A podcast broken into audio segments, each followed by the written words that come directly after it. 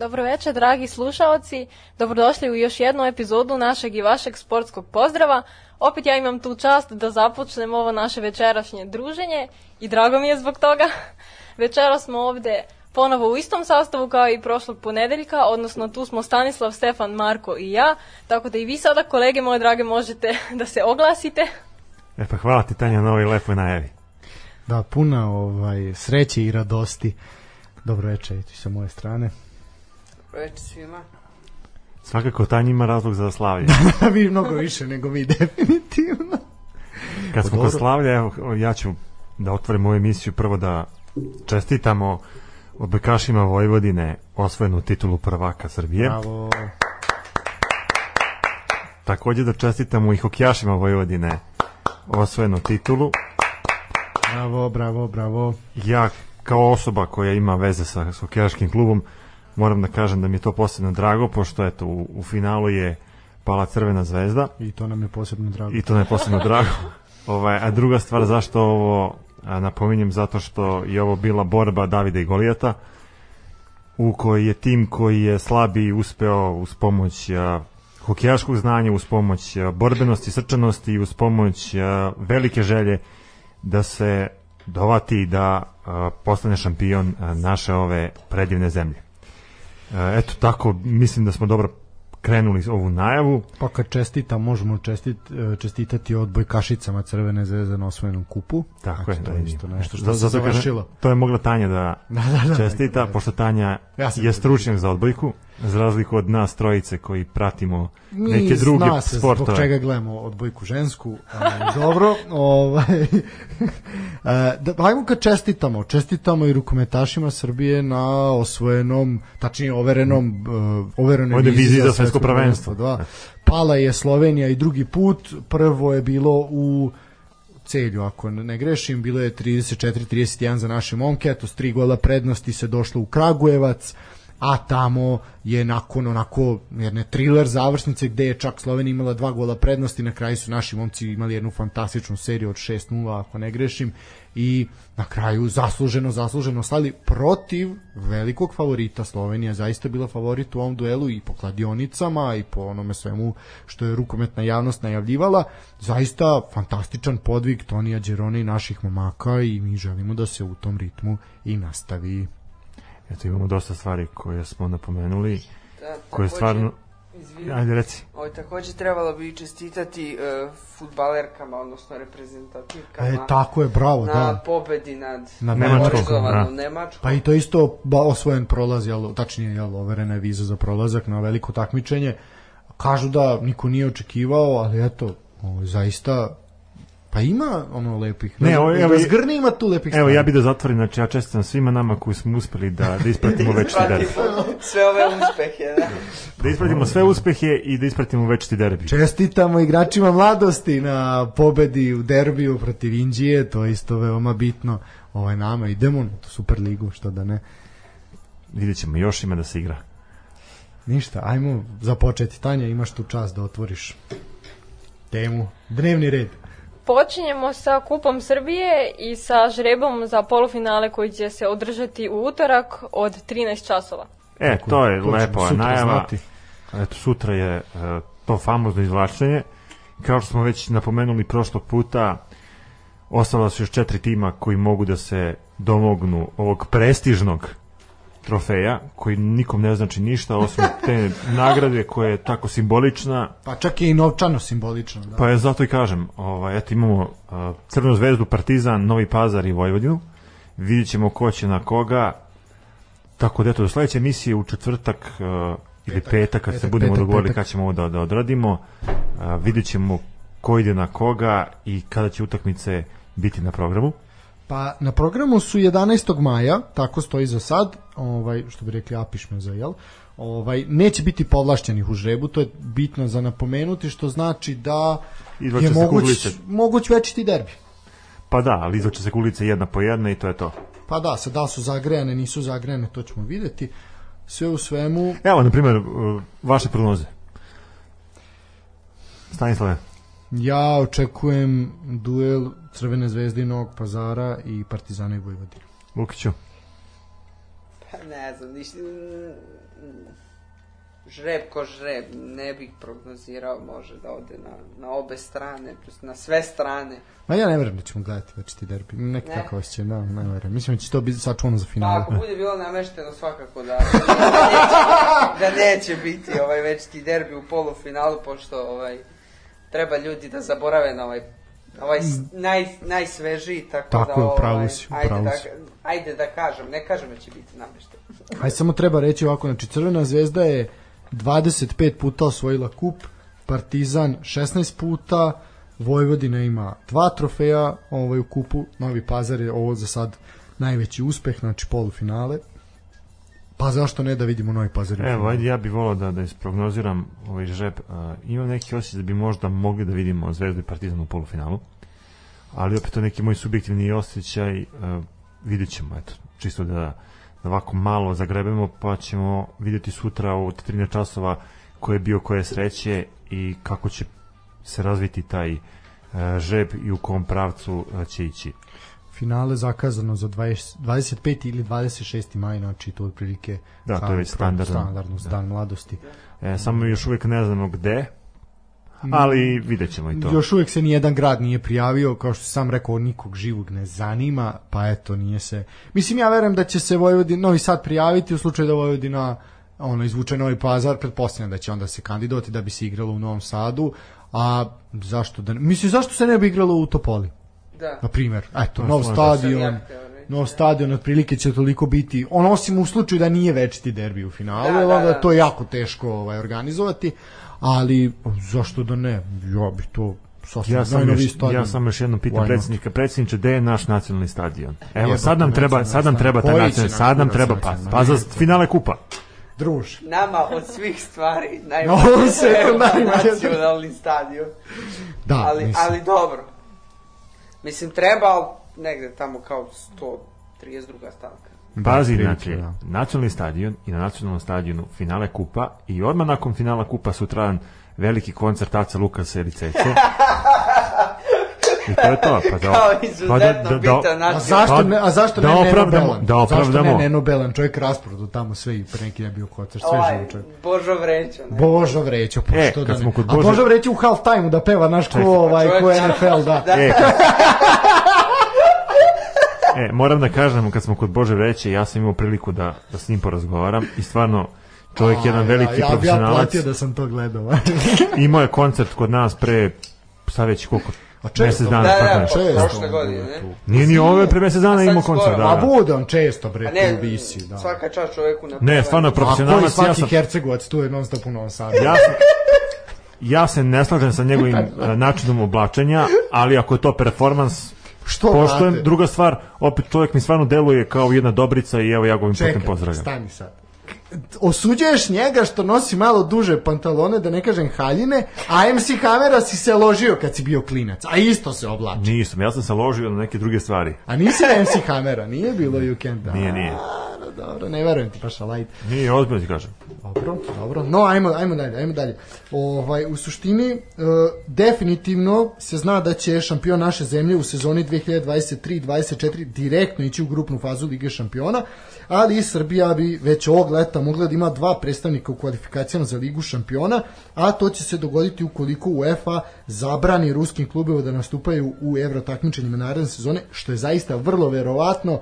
E, ruski futbalski sajz je dobio tačnije ne, ne samo ruski fudbalski savez nego uopšte cela država je dobila neki kratak kratak rok jel da se to sve ovaj smiri i da bi eto sportisti mogli da Da, učestvuju da li imaju oni krizni štab kao što smo mi imali za vreme Da, korone? Definitivno imaju. Vidim da su tamo sili neki generali dobili srčke, ovaj, ali ono, ajde gledamo. Kod da, nas generali ne bi mogli nikako.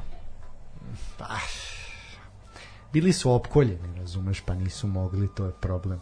Ovaj, hashtag novi film u bioskopu. Ovaj, ne, definitivno se to neće desiti i ja vidim da će oni njih izbaciti i postoji priča da će igrati u nekim azijskim takmičenjima koliko je to njima privlačno E, sad ne, je, je sad je prilika pitanje. da se napravi nešto novo. U, št- misliš na novu ligu? Da, na novu ligu. Pa vidi, sve ozbiljnije se šuška i sa tom Super ligom, to je onda bilo kratko, malo je to, malo je to bio naš opipavanje pulsa onda kad, je, kad se desilo, toku prošle godine, a definitivno je, mis, mislim da je izvesno. Zakazali su im kapilarni gasovi. A, da. Ovaj, tako da eto, mislim vidjet ćemo, ali što se tiče rang liste UEFA, ako bi UEFA suspendovala Rusiju, Srbija bi se popela na 15. mesto i to bi značilo da bi naravno ako Crvena zvezda i Partizan budu dva prvoplasirana tima išli sigurno išli u kvalifikacije za Ligu šampiona već ovog leta. Ali ajde, nećemo odeljati ražen dok je zec u šumi. Vidi, ja bih čak žrtvova naša dva mesta po ovaj, da ako će se to sranje tamo smiriti. Ali ajde, vidjet ćemo šta će biti. Velikodušno tebe. A jebi Mo, ga, pa, ja e, pazi, da- to može da bude i preporuka za, za Nobelovu nagradu za mir. Znaš, kao žrtvuješ ulazak Partizana i Zvezde u Ligu šampiona zarad dobrobita u celoj Evropi i celom svetu.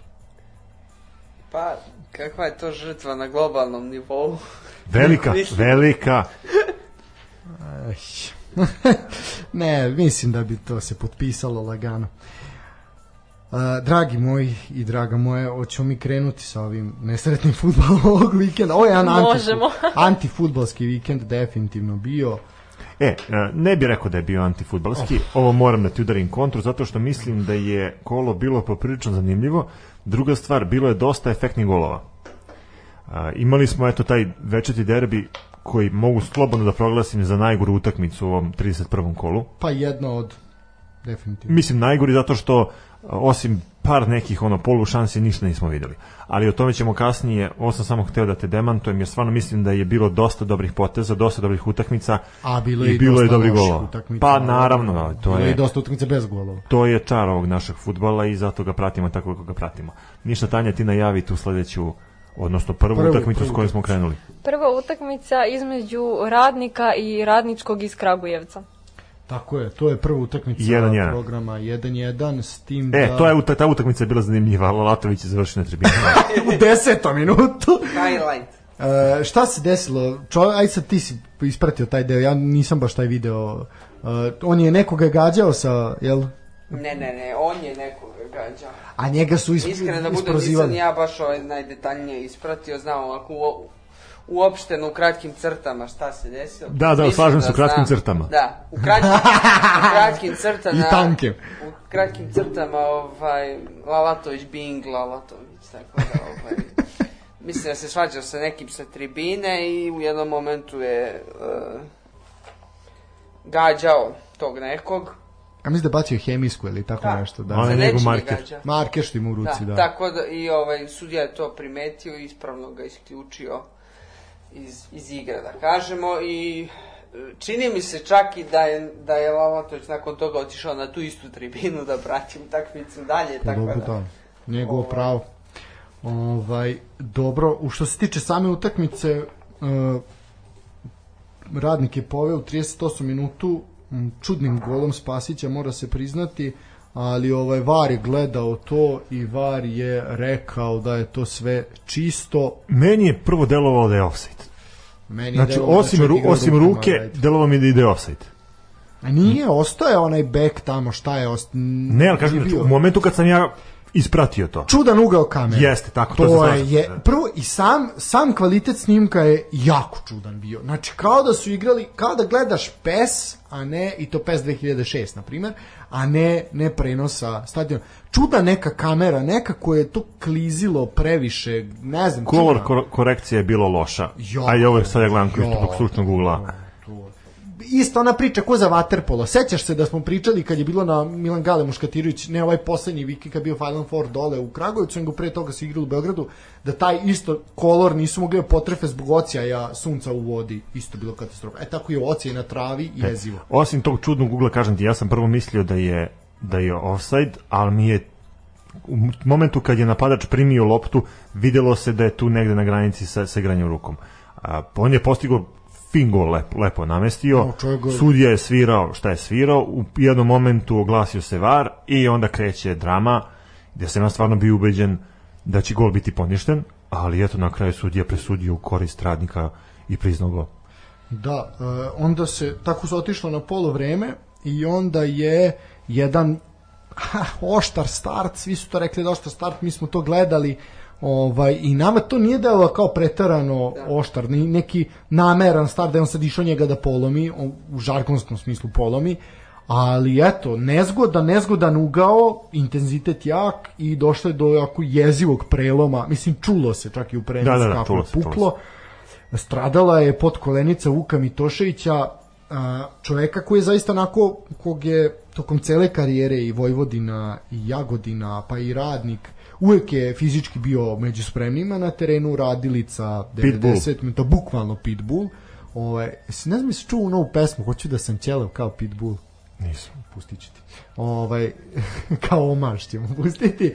Ne, zaista jeziv start, čovjek je ovaj, onako počeo da jauče, odmah ih svi su odmah utrčali, uhvatili se za glave, odmah hitna pomoć reagovala. Mislim, što svega tog tiče reakcija ovaj, nadležnih službi bila na mestu. Uh, e sad je, ono što se dešava, sudija je izvadio žuti karton Piščeviću, I okej, i tako i delovalo, Tako kao je, sta, da, dok nije stopalo otišlo u stranu, nije ni delovalo strašno. Da, inicijalno je on, ovaj, sudija se uhvatio za žuti karton. E, međutim, nakon što je video ovaj, stepen povrede, O, vidi se tačno svi na snimku kako se Da. čovjek okreće, vidi i vraća se i ima tako vadi je, da, karton. ispravno daje crveni Ja to karton. ispravna odluka. Da, da. Da, znači može s obzirom na, ali start nije bio Start- pogiben. Start kao start nije bio, ovaj, pa, mislim, možemo mi to da procenimo, ali vidi se da inicijalno i sam sudija procenio da start kao start nije bio za žuti karton.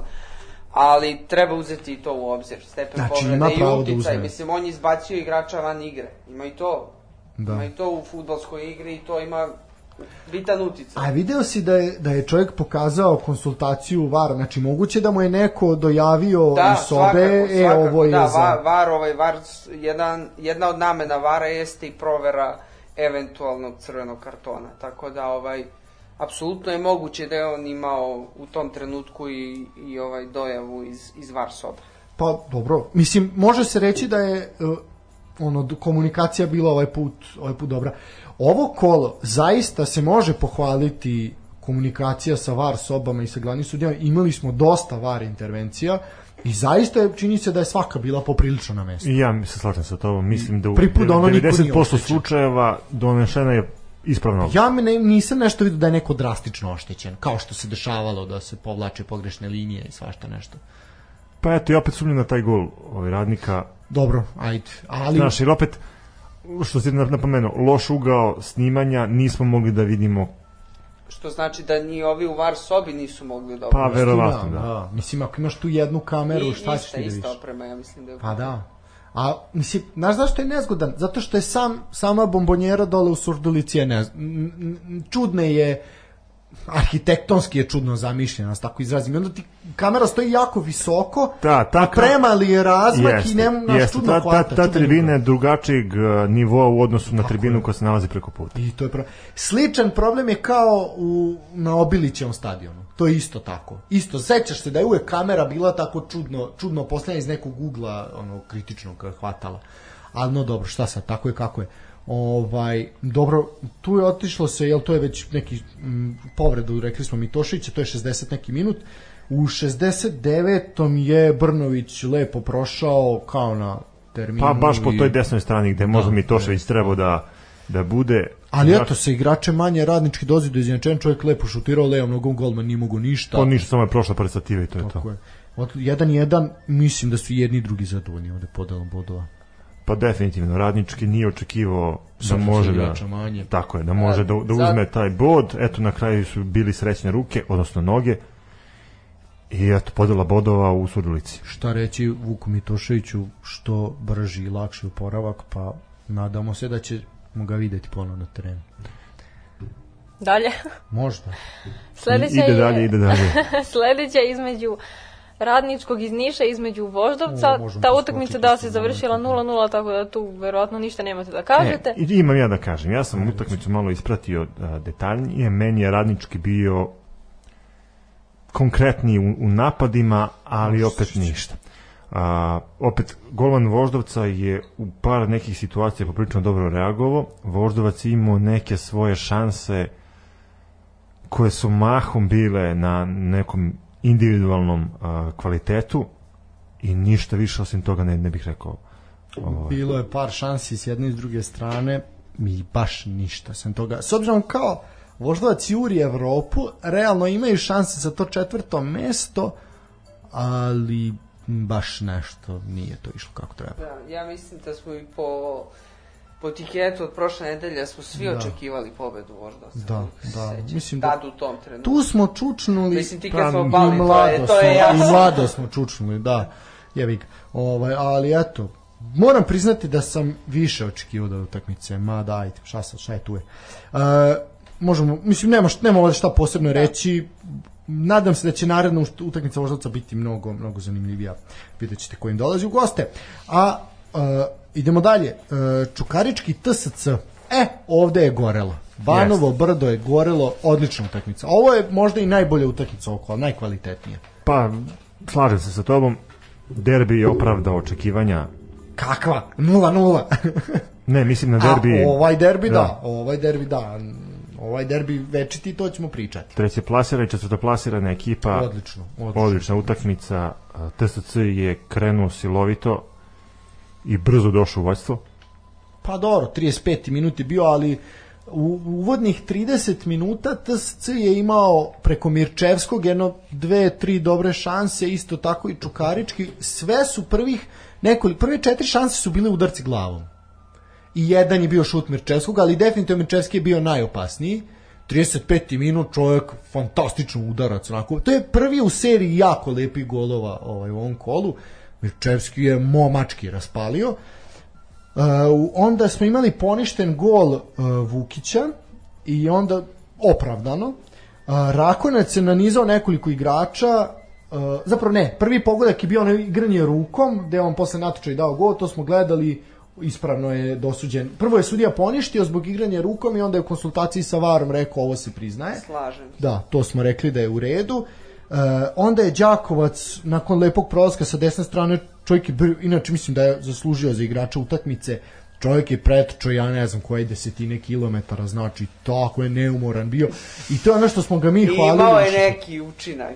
pa imao da igrački, nije Da. samo trčao. pa dobro da nekoliko presečenih lopti dva data gola ja bi ga malo li je za zadnjeg veznog Da, mislim, a ja, kako, ja kao po običaju ovaj, gledam da pecnem neke igrače. Ja, nema, što Đakovca što njega je Ne njega. Na Nego? konto Đakovca teo bi da pecnem A, Jojića, ali nema veze, ajmo, doći ćemo i do toga. doći ćeš do toga Smiri se, se. da, Take it easy. Kad je ovaj, s desne strane lepo čovjek probio, ubacio u peterac, Đakovac natrčao, nema šta, 2-1. Uh, Rakonjac je nanizao trojicu četvoricu, onako u padu je, svi su i bili, lepo je Leo nogom prosledio, tu nema šta, 2-2. I u 93. minutu golman je onako oklevao, nije znao šta će i nešto je bez veze ispucao loptu, nije izbio kako treba čovjek je natrčao, prvo je natrčao, odbila se lopta od njega, stigo je da je da ne izađe i lepo iz kosa šutirao, pogodio nebranjeni deo mreže, nema šta, 3-2 za veliko slavlje TSC. Kažem, VAR se palio dva put, oba puta ovaj opravdano i ispravno reagovao. Eto, a vidiš sad, ajde jedna projekcija, kratko u vezi E, Čukaričkog. pre nego što kreneš to, ja bih da se osvrnem i na, na posjet na, na, na stadionu na to brdu. reći da je to bilo jezivo. Stvarno loše. sramna poseta. uh, Ova utakmica je utakmica koja vredi da se gleda. Utakmica koja je op- opravdala naša, naša očekivanja, ali koja me razočarala po broju gledalaca. Stvarno, ne znam šta se desilo, desilo ljudima da, da propuste ovu utakmicu. utakmicu, da. Stvarno je bila dobra utakmica. A vidi, ta utakmica se igrala u dva sata. Znači, ta utakmica se igrala na dan derbija. I ja mogu da razumem zašto nije bilo ljudi. Kusali supu. Da, da, da. da. Ovaj, pazi sad moju projekciju. Šta misliš ti sad? S obzirom da Čukarički sad nalazi u ozbiljnom problemu. Otišao je Saša Ilić, doveden je Lešnjak. Po meni trener preslabog kalibra za takvu ekipu.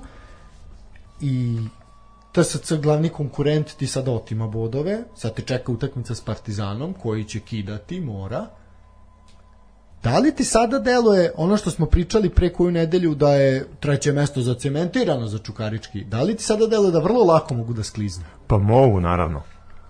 Mislim, sada je tri boda manje, razumeš, još ideš Partizanu, to je problem. Pritom se utakmice igraju između ekipa koje su u gornjem delu tabele. Ko je? Znači, svako tebi može da parira. Recimo I većina nemaš, ekipa, i, da. ne, i nemaš one sigurne bodove na koje računaš. Tako je, nećeš nakantavati koje kakav pazar i tako dalje. Tako da ne znamo, ajde vidit ćemo. Ovaj. Ali vidi, sve vrlo lako sve može ja sam na početku sezone projektovao ta četiri tima koja mogu da predstavljaju srpski futbol u Evropi.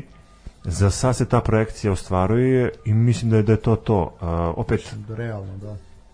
to su ekipe koje finansijski najbolje stoje, ekipe koje imaju određene igrače zavidnog kvaliteta. I to je to što, što imamo. Ono. I infrastrukturno su dobri, koliko toliko, i ne znam, ono, vidjet ćemo. Ali opet uh, ima dosta da se igra, pa da vidimo na kraju saldo kad se sve bude odigralo. 33 boda su u igri. Tako, ima dosta se To je ozbiljna, ozbiljna, Da, da. ozbiljna količina bodova. Treba se to se namesti. Mislio sam da se namesti. Nije dvosmisleno. Nije, da. Dobro je Dejan Stanković. Ovaj, dobro, mladost proletar. E, ovde je mladost definitivno imala inicijativu. Bojević je pronašao penal. E, Bojević trenutno stoji na 88 golova, to nismo rekli. Ovaj, isti broj nosi na adresu. Ovaj, tako da, eto, šteta nije iskoristio taj 11 pogodio je stativu, ovaj, da se domogne još jednog gola i da još dodatno odmakne Andriji Kaluđeroviću. E, Mladost je definitivno imala više prilika od proletera, um, nekoliko zaista izglednih šansi, ali nažalost nisu uspeli. I sam Bojević je posle bio još u nekoliko prilika, nije uspeo za trese mrežu. Nije im se dalo. Nije im se Tako dalo. Da, proletar je imao sreće, odbranio se. E sad, ono što treba reći vezano za proletar, tu je da je Dušan Bajić podneo ostavku usled serije loših rezultata, pokušao je da razdrma ekipu i sa klupe je naš gost jel, i drugar Sekula Rašjovan je vodio ekipu Nosadskog proletera, međutim tu se sad opet javlja problem koji je proletar imao i prošle sezone, a to je kada je otišao Branko Žigić Pa su ga onda vratili. pa su ga vratili i problem je što postoji nekoliko zainteresovanih kandidata da bude trener proletera, ali nijedan od njih nema licencu za vođenje ekipe u Superligi. E sad, problematika je ta što imate pravo samo tri kola bez da budete bez trenera sa licencom. Inače vas futbalski savez kažnjava poprilično da uzima bodove. Tako. E sad, a oduzimanje bodova proletera u ovom momentu bi bilo kobno. E sad, sećamo se da je nakon toga tačno treće, četvrto kolo je vraćen ovaj Branko Žigić. E sad ćemo vidjeti da će opet Branko Žigić sesti na klupu ili će možda Bajić ovaj malo ohladiti glavu pa se vratiti. Sve u svemu, eto, vidjet ćemo problem, problem za novosadsku ekipu proletera koji ja ne vidim kako će oni rešiti i po meni je proletar sve veći kandidat da napusti društvo najboljih. Ali vidjet ćemo, nadam se da se varam, ali Vidjet ćemo. Vidjet ćemo. ćemo. e, hoćemo... Ja mislim da bi mogli da odamo jednu Pauzu. kraću pauzu, posle toga nam čeka ono o čemu ćemo, Hoćemo pričati. prevrtiti sve utakmice pa onda već terpi za kraj ili... Pa ne znam. A, možda smo i mogli. Ajde, dogovorit ćemo se u pauzi. Ne znam Ajde. koliko sadržaja ima večiti derbi, možda ovaj. A, u, ovo je dobro bilo. Možda, ovo je možda, fazon, da, ovo da, je možda fazon. pred kraj ostanemo ovaj, bez, bez programa, možda budemo morali da ovaj, Pričat ćemo o filmovima, novim izdanjima. Da. Ovaj, zato smo svi pustili brat. da, da, da. Dobro, e, može, imam dve kratke pesme, može. Imam Može. novu stvar od Brkova i novu pesmu Hladnog piva. Pa ćemo prvo na... Pušta iz ove što ne sluši punk. Može, idemo prvo na Brkove.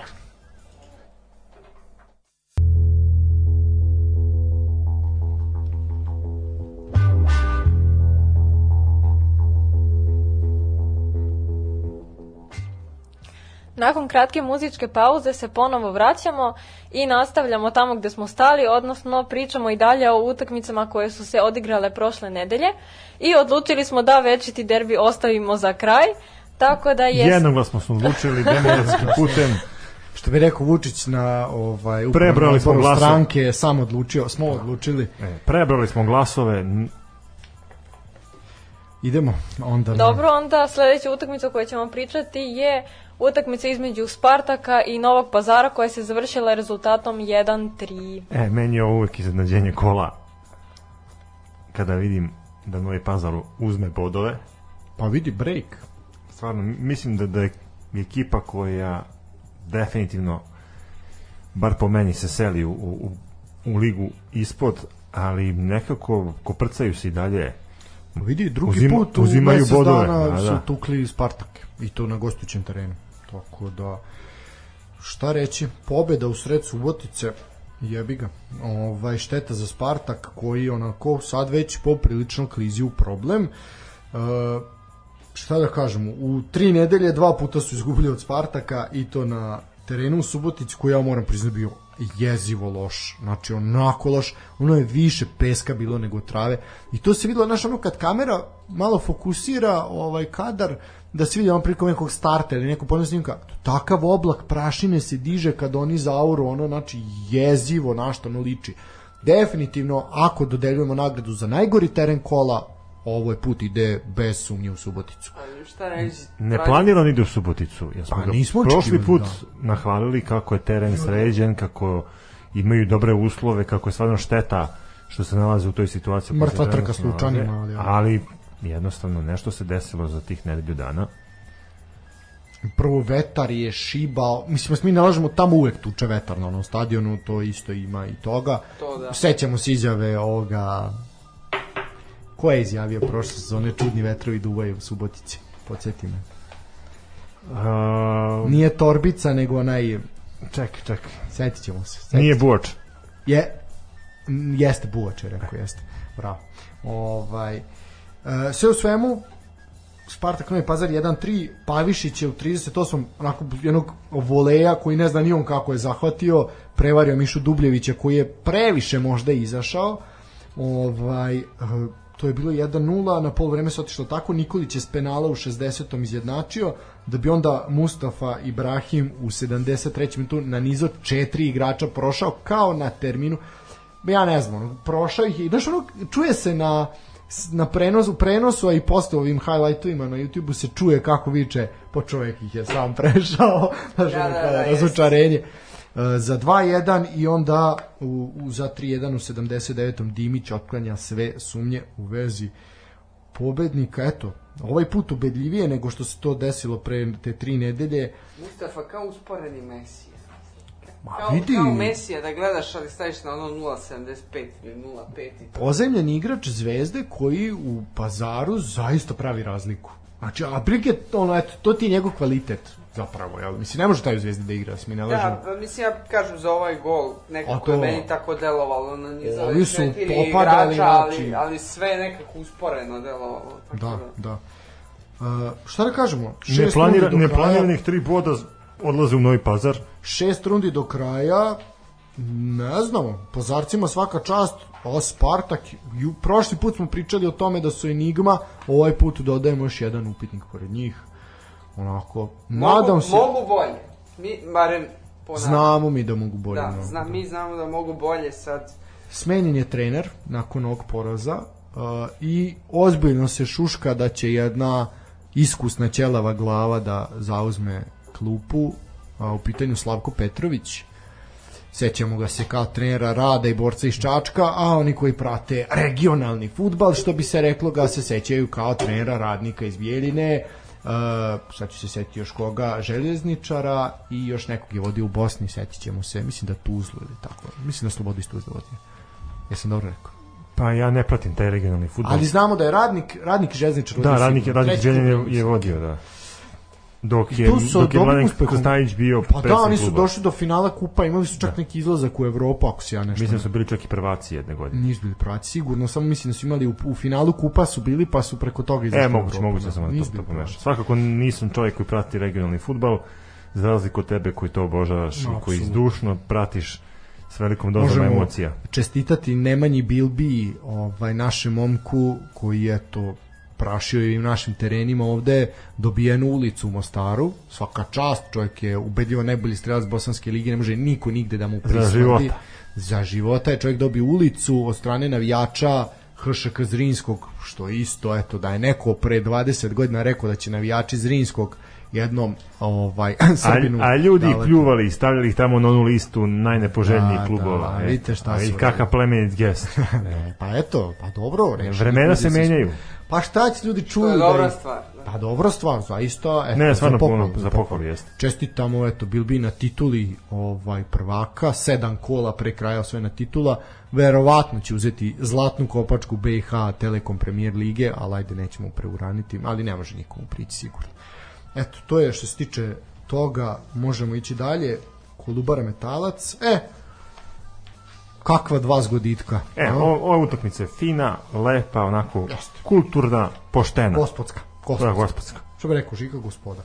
Ovaj, pobeda Kolubare. I Kolubara- dva različita poluvremena. Definitivno, Totalno različito po vremenu. Definitivno metalac je pokušavao, međutim Kolubara je ipak probila led na kraju. Kolubara je prvo poluvreme izdominirala. Na terenu je postojao samo jedan tim. To su bili momci u zeleno-crnim dresovima. To se na kraju isplatilo. Dva gola, ne zna se ko je bolji. Evo, znači možemo da, da, da, da glasamo ko, ko je apsolutno. gol bolji. Pa drugi gol mogu ja da se složim, zato što ovaj, drugi gol su prikazali iz onog ugla, otprilike pravca male mreže je bio neki ugao. Ne, on je krenuo, on je krenuo sa K 16 tercu i tu je I samo je zategao. čovjek zategao i rešio. Pitanje, Tako. da li je on to gađao? Veliko pitanje. Ja bih voleo da jeste.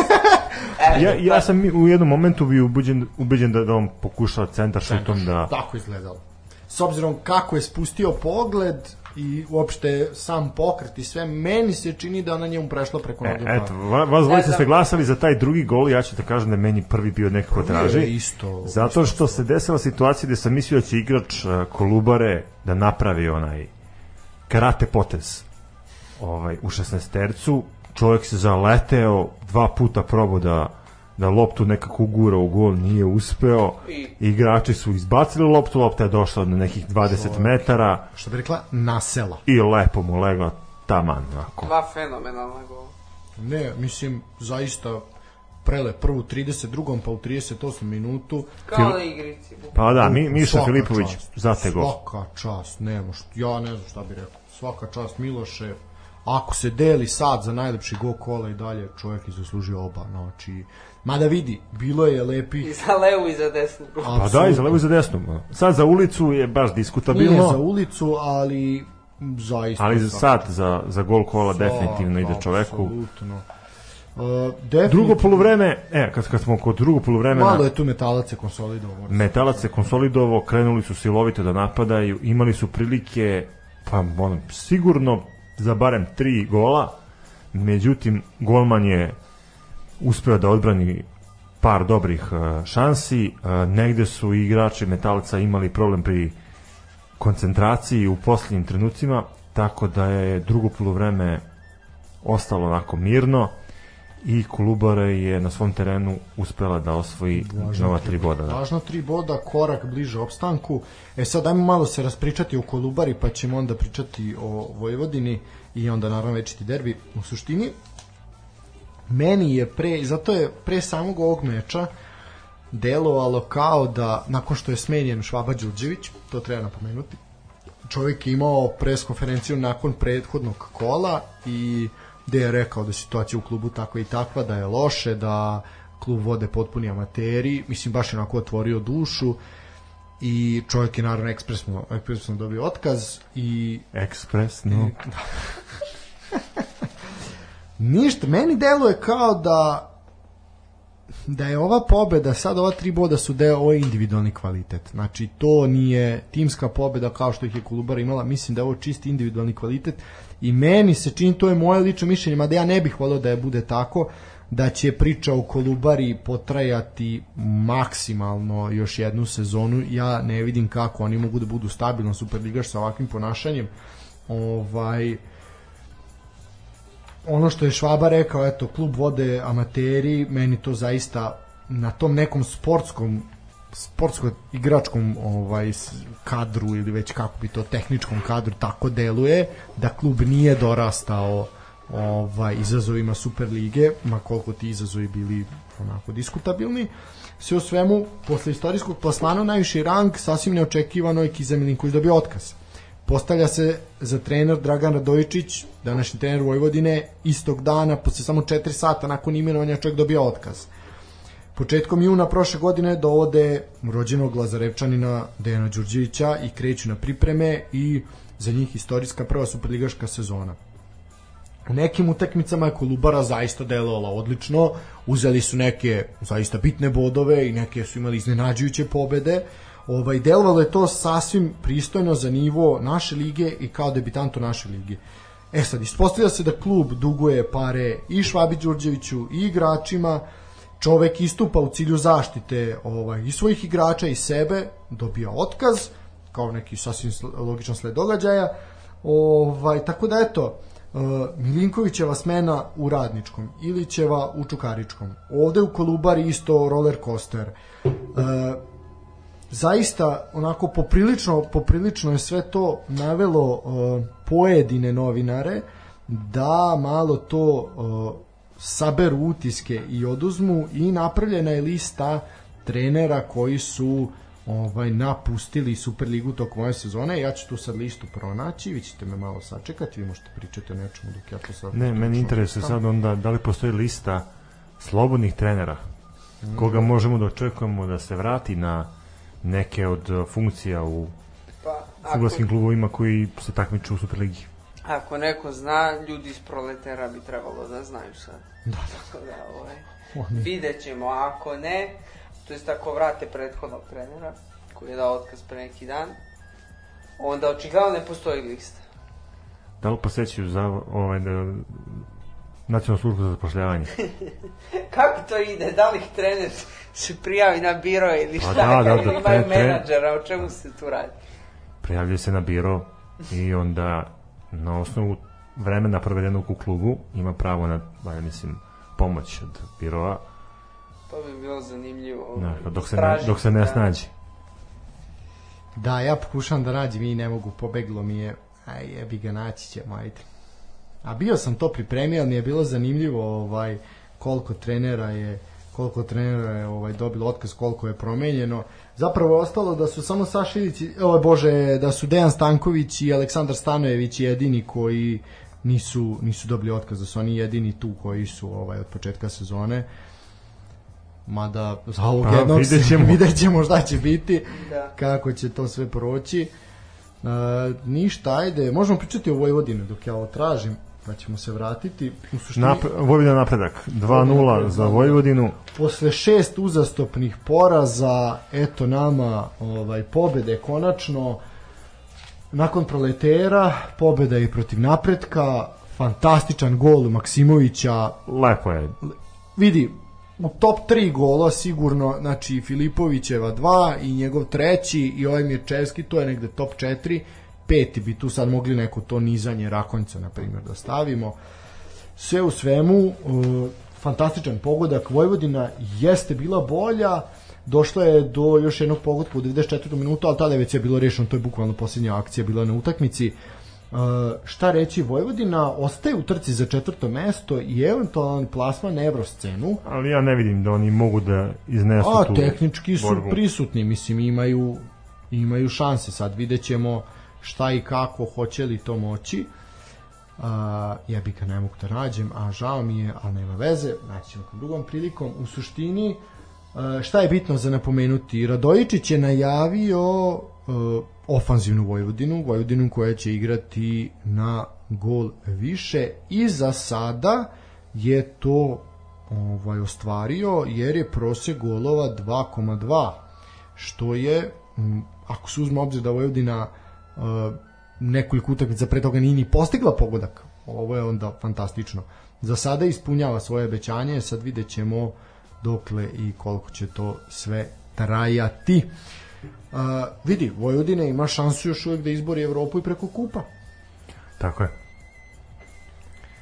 Uh, da li želite, mislim u suštini smo sve rekli, ostaje večiti derbi, tabela i najva kola. Da li želite da idemo na dve pesme pa da se Ide, posvetimo moramo- derbi? moramo Možemo definitivno. jednu, ne moramo dve. Derbi Može. treba priprema, mentalno. Može. Da.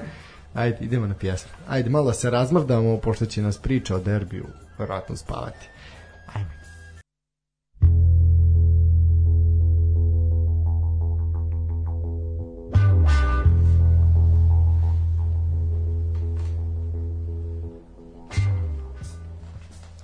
Dragi slušalci, nakon kratke muzičke pauze ponovo se vraćamo i posvećujemo se jednoj veoma važnoj utakmici koja nas je sve oduševila, a to je večiti derbi. Aj, zaiz napolje.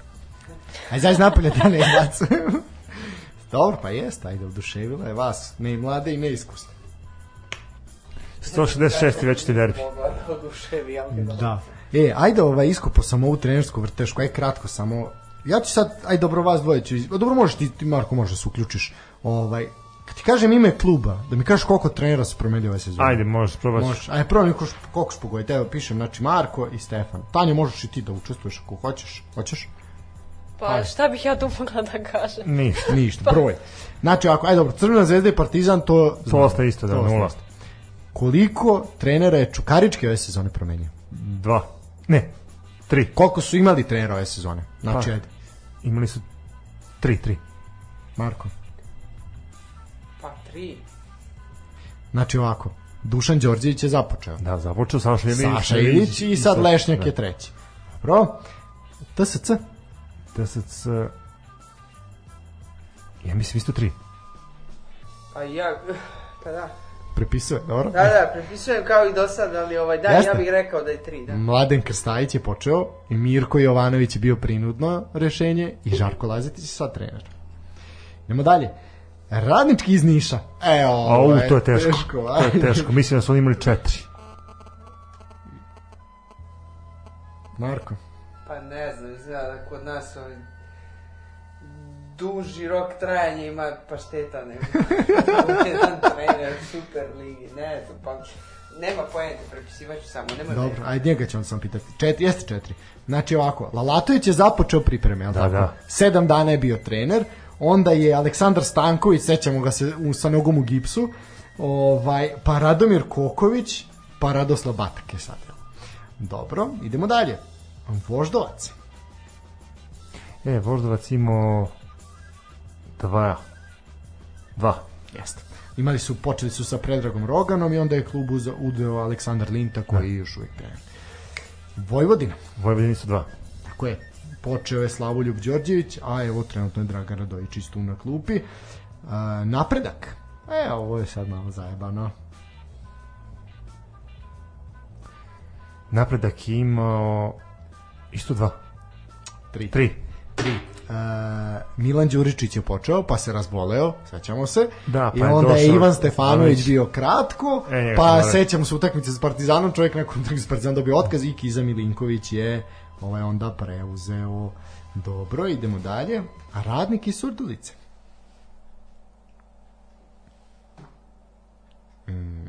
Nisu oni imali selaciju, su imali možda dva trenera. Tako je, bravo. Bio je Igor Bondžulić, a onda je došao Đorđević koji je tu još uvek. E, dobro, Mm, Kolubaru, to smo rekli. Klubar imala znači jednog do sad, sad imaju drugog. Pa dobro, da, ako ne Znači, dva. računamo ono da, pripreme zvanično počeo ovo jedan, tako je. Mada su tehnički imali četiri, ali dobro. E, mladost. U, oni su imali problem. Mislim da su imali tri, tri trenera. Pa. Dva. Ivan Stefanović je počeo, a nastavio je Dragomir Žunić koji je tu još uvek. E, Spartak. Ko će ovo izbrojati? U, Spartak imao baš dosta. Četvorka, tako. Evo ovako, Vladimir Bujač, nakon što je spasio ekipu prošle sezone, je nastavio. Znači, Bujač 1. Vladimir Gacinović 2.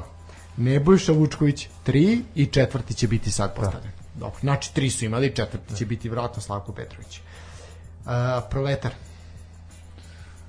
U, Proletar imao pa dva. nisu imali licencu, da, Branko Žigić i Dušan Bajić. I sad će biti treći, ali neko će biti imeno. Ili će biti ovaj vraćan. A radnički iz Kragujevca. E, oni su imali da li dva ili tri. Lalatović je treći. Li će treći, da, tri. Znači, Znači Vladimir Radenković, pa Kiza Milinković i Nenad Lalatović. Metalac, Metalac je imao problem sa Žarkom, pa onda tri. Dva. Dva. Lazetić, došao Da. je Žižić i koji je tu još uvijek. E sad, nama svima omiljeni Novi Pazar. Najteže za kraj. Uh, oni su baš, oni su mu jebali kevu. Da vidimo, probaj. A setit ćeš se. Pa četiri ili pet. U čak da izbrojim. 1, 2, 3, jedan, dva, tri, četiri. E. Znači, Milan Milanović je počeo, to se sećamo, pa je Kenan Veličanstveni preuzeo, pa je onda bio Dragan Radojičić, kratko, i sad je Tomislav Sivić tu. Znači četiri. Bravo, pa dobar si. Dobar si. Odlično poznavanje. Odlično poznavanje, moram priznati. Zaista, evo, jedan standing ovation. Bravo, bravo Stefane. Hvala, hvala. E, ajmo sad na 167. prvenstveni. Jel ili sedmi? Ja sam najavio 167. šest. Ja ne znam zašto sam pročitao negde da da je šest i sve sam ok. 167. večeti derbi. A, treći ovo sezonski, drugi na stadionu Rajko Mitić ove sezone. Predposlednji, verovatno, imaćemo verovatno još jedan, Pa jel? možda hoćemo, možda nećemo. Vidjet ćemo kako će kuglice da odluče sutra. Na zdravlje. Hvala. Šta reći? Aj, ko će prvi? U mene, u mene se gleda. Ajde, Ne, ne, ne, ja hoću da čujem Tanju. Ajde, ajde Tanja. Hoću Tanja. Tanja je zadovoljnija ishodom. partije. ona je zadovoljna ishodom, ona nije zadovoljna samom utakmicom, to je Ne, razlika. ja, ja verujem da je Tanja gledala ovu utakmicu. Razmi, Jesam, to je- razmišljala je da ode na, na stadion, ali si je ti sputao u tome. Ja sam sputao, Pa ja da. sam ja sputao u tome. Reci da Neka sam, neka sam. Dobro sam. Ne, imala sam neki osjećaj Pasio da je. neće biti dobro, tako da... U kom smislu neće biti dobro? Pa da, da će biti loša utakmica. Pa što i jeste. Pa jeste. Da, to je jedina utakmica koju sam bukvalno ispratila i žao mi je što sam sat i po vremena potrošila gledajući ovo. Ali E, generalno... moj sine, da svaki put sam ti sat i po vremena što sam izgubio na domaći futbal, da sam sam pročitao nešto, sad bio Peglo. Da sam peglo, brate, bolje bi mi bilo. Bolje bi bilo, da? Bukvalno, izvolite. E, sad zavisi šta si peglo. Šta god. I kobasicu I ovo je da sam dvosmisleno. peglo. Znači, I ovo je dvosmisleno. Pa znaš šta, no, pazarsku kobasicu peglati, to je... I čast i zadovoljstvo. Tako, Postoje e, neki se- termini isto koji se koriste u futbolu, a koji se koriste isto i u peglanju. Koji Idemo, lebate. idemo dalje, idemo dalje. sad svi sad svi pitamo, ali dobro. Razmislite malo bolje vas dvojica. Očigledno ne peglate. Čekaj, čekaj. Ajde, Idemo- Tanja, peče da Idemo dalje, Tanja. Dok, dok. Tanja, da čujemo tvoju konstataciju. Kako si ti doživjela ovaj 167. večni A dan? pre svega nisam, nisam očekivala, o bože, ovo dvoje. Dobro, ajde. ajde, Nisam ajde, očekivala da će utakmica da se završi bez golova. I generalno mislim da je stvarno bilo loše i razočarala sam se. Zvezda je stvarno odigrala katastrofu. Ja ne znam da je u tih 90 minuta bilo nešto što bi moglo da se pohvali ili da se spomene. A Partizan je manje više barem nešto uradio, odnosno oni su barem imali nekoliko dobrih šansi, iako ih nisu pretvorili u gol. Ali generalno mislim da je Partizan bolje odigrao, iako je rezultat ostao 0-0 i sve u svemu ja nisam zadovoljna, a pretpostavljam da nisu ni mnogi ovi gledaoci i navijači takođe, iako je, na primjer, 0-0 rezultat koji Zvezdi mnogo više odgovara i evo, definitivno mislim da ova rečenica koju si ovde napisao samo da, samo da ne primimo gol, a u napadu šta uradimo, uradimo, da je to bukvalno rečenica koja apsolutno može da opiše ovaj derbi i da ne treba više trošiti reči na ovo. Eto, Dobro, ja, je moje. ja se malo ne slažem sa tobom. Mislim da imamo dosta reči da potrošimo na ovu utakmicu. Ima dosta. Ima, ima dosta situacija koje uh, su za analizu. Možda budemo precizni. Ima dosta da se ispriča o utakmici, ali nema dosta da se kaže o igri. Pa može i tako A, da se kaže. poentirao sam. Aj sad bravo. Aj ti pa ćemo... Ne, hoću ja da čujem Marka, da čujem parlamentarno. sa Marko ima da kaže. Mare, aj Mare, ti pa O ćemo. derbiju. Da. Pa, mi smo sad baš raspravljali šta smo rekli, ovaj, dve rečenice, evo dalje, a? Pa, Ali- ajde, počni. Pa ćemo se Pa- nadovezati. E, iskreno, mi smo se svi nadali da ćemo, ovaj, da će naša prognoza iz prošle emisije biti pogrešna i da ćemo gledati kakav takav futbal, međutim, nikad, e, ovaj, nikad mi nije bilo više krivo što sam bio u pravu. Jedino, ajde, da, smo, da, da je ovaj Partizan pobedio, bilo bi mi malo, ajde, draže, ali... Pa loša utakmica, svi smo to očekivali, obe ekipe su se branile sve vreme. Partizan, ovaj, Partizan je imao tu neku inicijativu i iz, celih, iz cele te inicijative u 90 minuta jedna šansa se stvorila.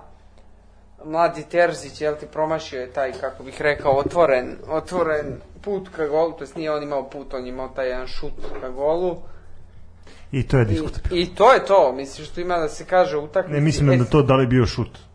Da li je bio u, u šut? gol. Pretvaranje, što bi rekli. Pa, lopta je odskočila, sad pitanje je Pa da li... lopta je išla unazad, Ovako, nezgodno. ajmo, Da, ajmo, mi- e, to hoću da iskomentarišemo. Nezgodno je. Zato što, to da zato što uh, se stvara taj Ajmo. pritisak da Ne, je, da je ta lopta morala da završi u golu. Vi- aj, Pritom, svako koji je, svako koji je igrao, Igrao fudbal, fudbal, da. bar jednom u životu i našao se u situaciji kako se našao mladi Tercić, zna da i Prvo, bitna je koncentracija, druga stvar, bitno je to kako je lopta poslata od strane igrača koji I asistira. treća stvar, položaj I treća tela položaj tela, tako je. tako je. Tako je. E, Da.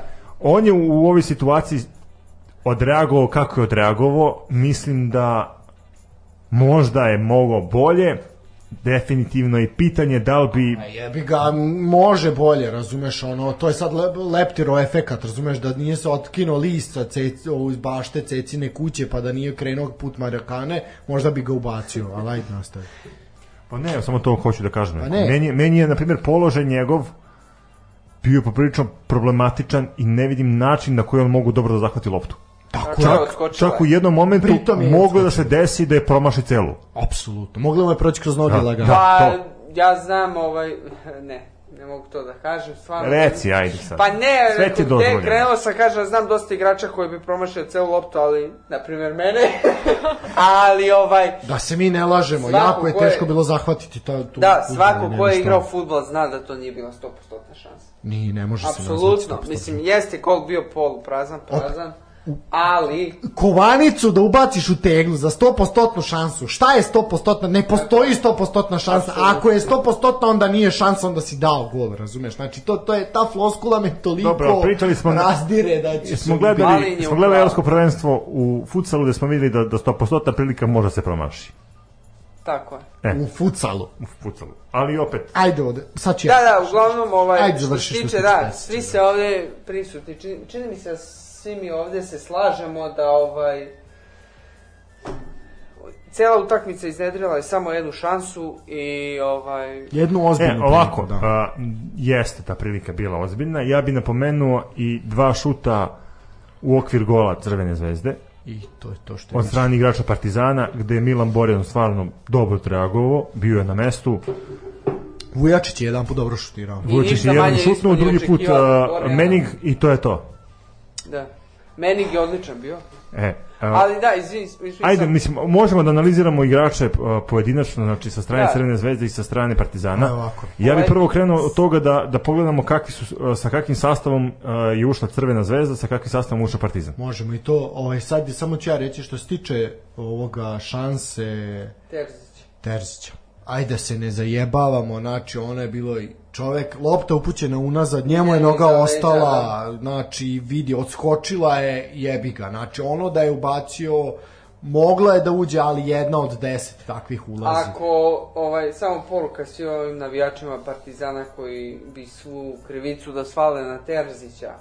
Ma ne može se ako smo mi ovaj zaslužili, to jest ako je Terzić zaslužio da sva krivica svali na njega i Ne nema može drugih kandidata nakon cele sezone i ovaj i sastava tima kakav jeste i i igre tima kakva jeste iz kola u kolo, onda mislim stvarno Ma kakvi, ne, zapitajte priče, se, ne, priče, gde ste vi bili sa 17 godina i Ma, kakve apsolutno, odluke ne pravi. može dečko biti kriv nikako. Ne, ne, ne, ne, ne, ne gledam ja to da je, da on kriv, da je on sad Ne, nešto. apsolutno. A, Pa dobro, mislim. Pritom nije imao penal u 90. minutu na, u poslednjem kolu pa da odlučuje prvaka, pa da sad kažemo sve da je kriv. imao. A i E, da je imao, verovatno, takav penal ne bi, ne bi mlad. Ne bi suđen bio Partizanu. Naravno.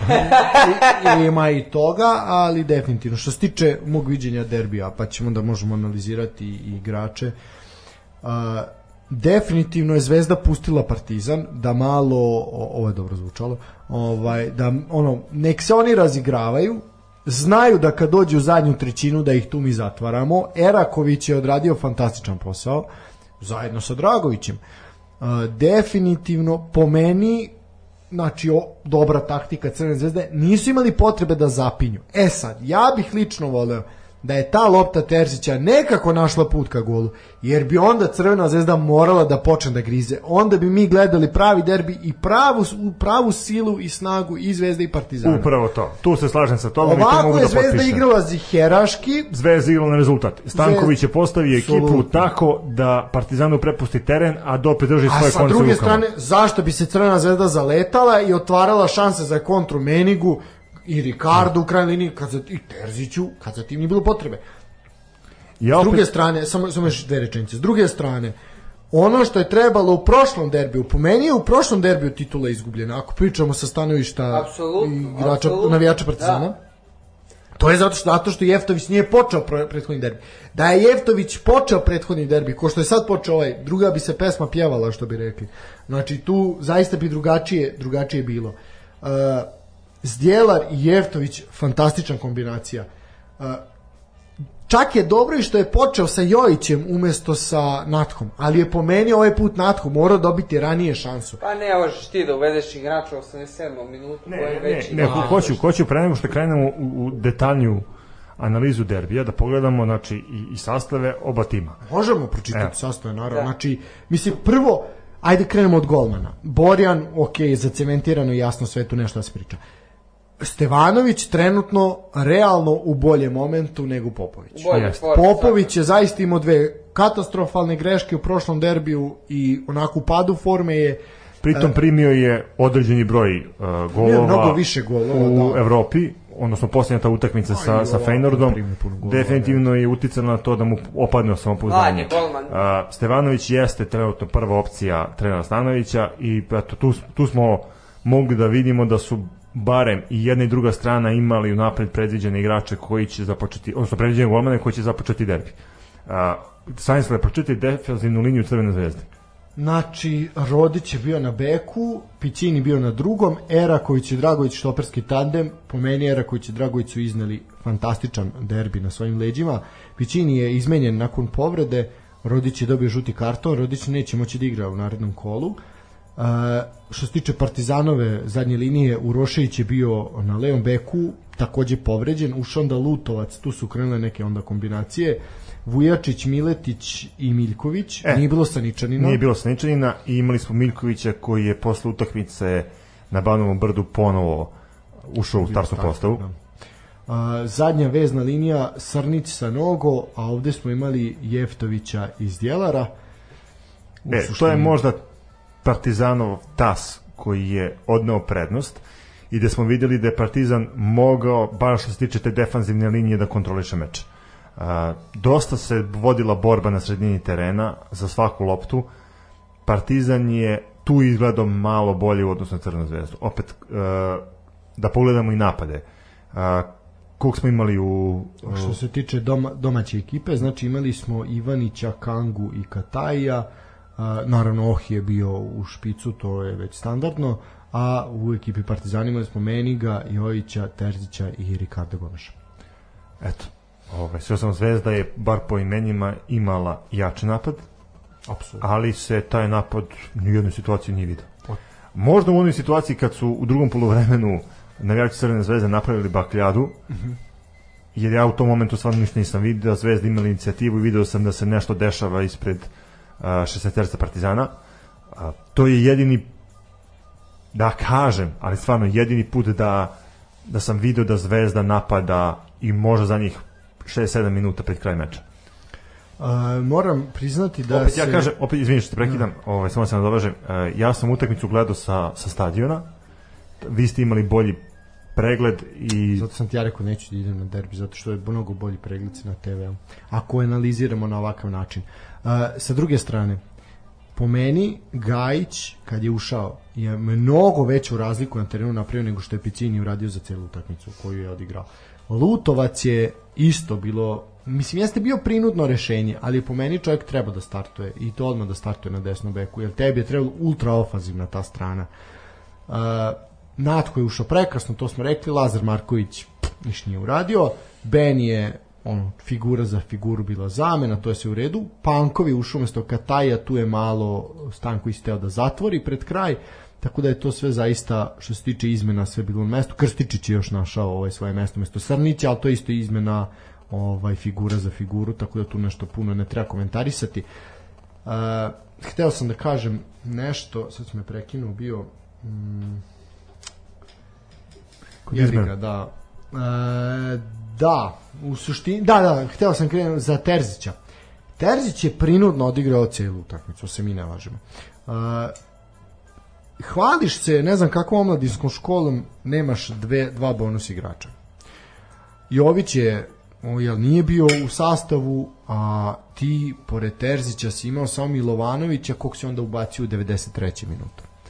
Znači, Ja opet mogu da kažem da, da mislim da je a, Partizan bio u prednosti što je Jović dobio parne kartone. svakako što igra Ako, Terzić, ja se pogledamo, slažem, da. ako pogledamo njegov učinak u ovoj polusezoni, on je poprilično loš.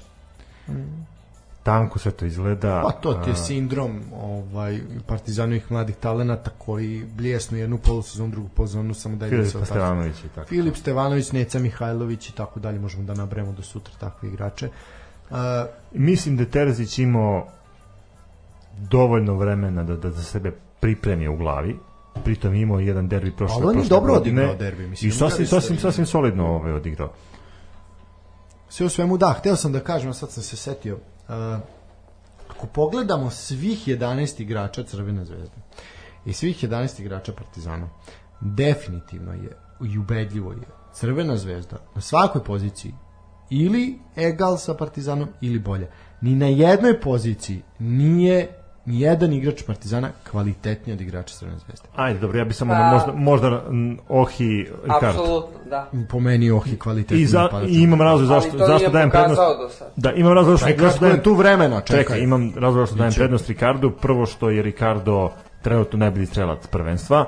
I Dobro, druga, Ohi tek igra, igra par Jeste, meseci u našoj jeste. ligi. I druga stvar je to što Ricardo ima već određeni neki renome u našem futbolu. Eto, zbog toga samo. Sve to stoji, ali Ricardo ga ima samo u našem futbolu, a Ohi ga ima i u Evropi. Znači, tu je razlika. S tim, ja, po meni, je Ohi kvalitetniji igrač nego Ricardo. Ricardo jeste kvalitetan igrač, ali Ohi je barabar ako ne kvalitetniji. Svi ostali, ne može niko da me ubedi da je i jedan igrač Partizana kvalitetniji. Mogu biti isto kvalitetan, ali nije kvalitetniji. Kako bre, a Miljković bolje od Pičinija? Aj nemoj da se zajebamo, znači ovaj budimo zrno ozbiljni. Mislim, dobra. Ogajić je ozbiljniji Ja igrač mi- od obojice. A zezam se. Ma znam da se sprdaš, ali mislim Pa nemoj I da se onda sprdaš. očekuješ, ali onda očekuješ, uh, a ne okej, fora je na mestu, ali onda očekuješ kao naši navijači Partizana očekuju ne znam kakvu titulu, jebote šta ćeš ti, još, ono nemaš, nemaš bre, Partizan nema tim, ono, ne, nemaš ništa, čoveče, ovo je, imao si od, jebeš mate, čekaj da otvorim tabelu. Pa kako da imamo tim čoveče kad E, to, ajde ljudi reci. neće da ulože ni E. evra. Dobro, ali eto, pričamo sad... 25 pobeda, 25 pobeda. Koliko, ti vrlo dobro znaš, a i ja, svih 25 utakmica smo prokomentarisali ovde, koliko puta od tih 25 pobeda je to bilo na čisti individualni kvalitet? Nula timske igre. Znači, vrlo redki momenti timske igre su bili. Jel tako? Dobro, ajde ovako da... Znači, Jel sam u pravu? Jeste. Ajde ovako da, da, da, da odemo malo dublje. Može, Ko je vama bio, opet, utakmica 0-0, bez golova, e, ništa spektakularno se nije desilo. Ko je vama bio junak utakmice? Junak utakmice, ovakve utakmice, ovakve Da. utakmice ima junaka. Da. Nema junaka. Tu ne šta da pričam. Mislim, Najbolji pojedinac, eto, ajde, najbolji. U Partizanu Jeftović. U Partizanu Jeftović je bez razmišljanja. U Zvezdi? A, ne, Eraković. Ajde, Pa recimo. da, ili Eraković I ili, Eraković. ili Dragović. Zatvorili su obojice. Tu su, obojica su zatvorili. Obojica su zatvorili. Ali opet, ajde da se ne lažemo. Znači, s jedne strane, loženje navijača i ljudi, a Eraković je za reprezentaciju. Stanite bre ljudi. Tog istog Erakovića ste pre nekoliko meseci terali motkom iz kluba.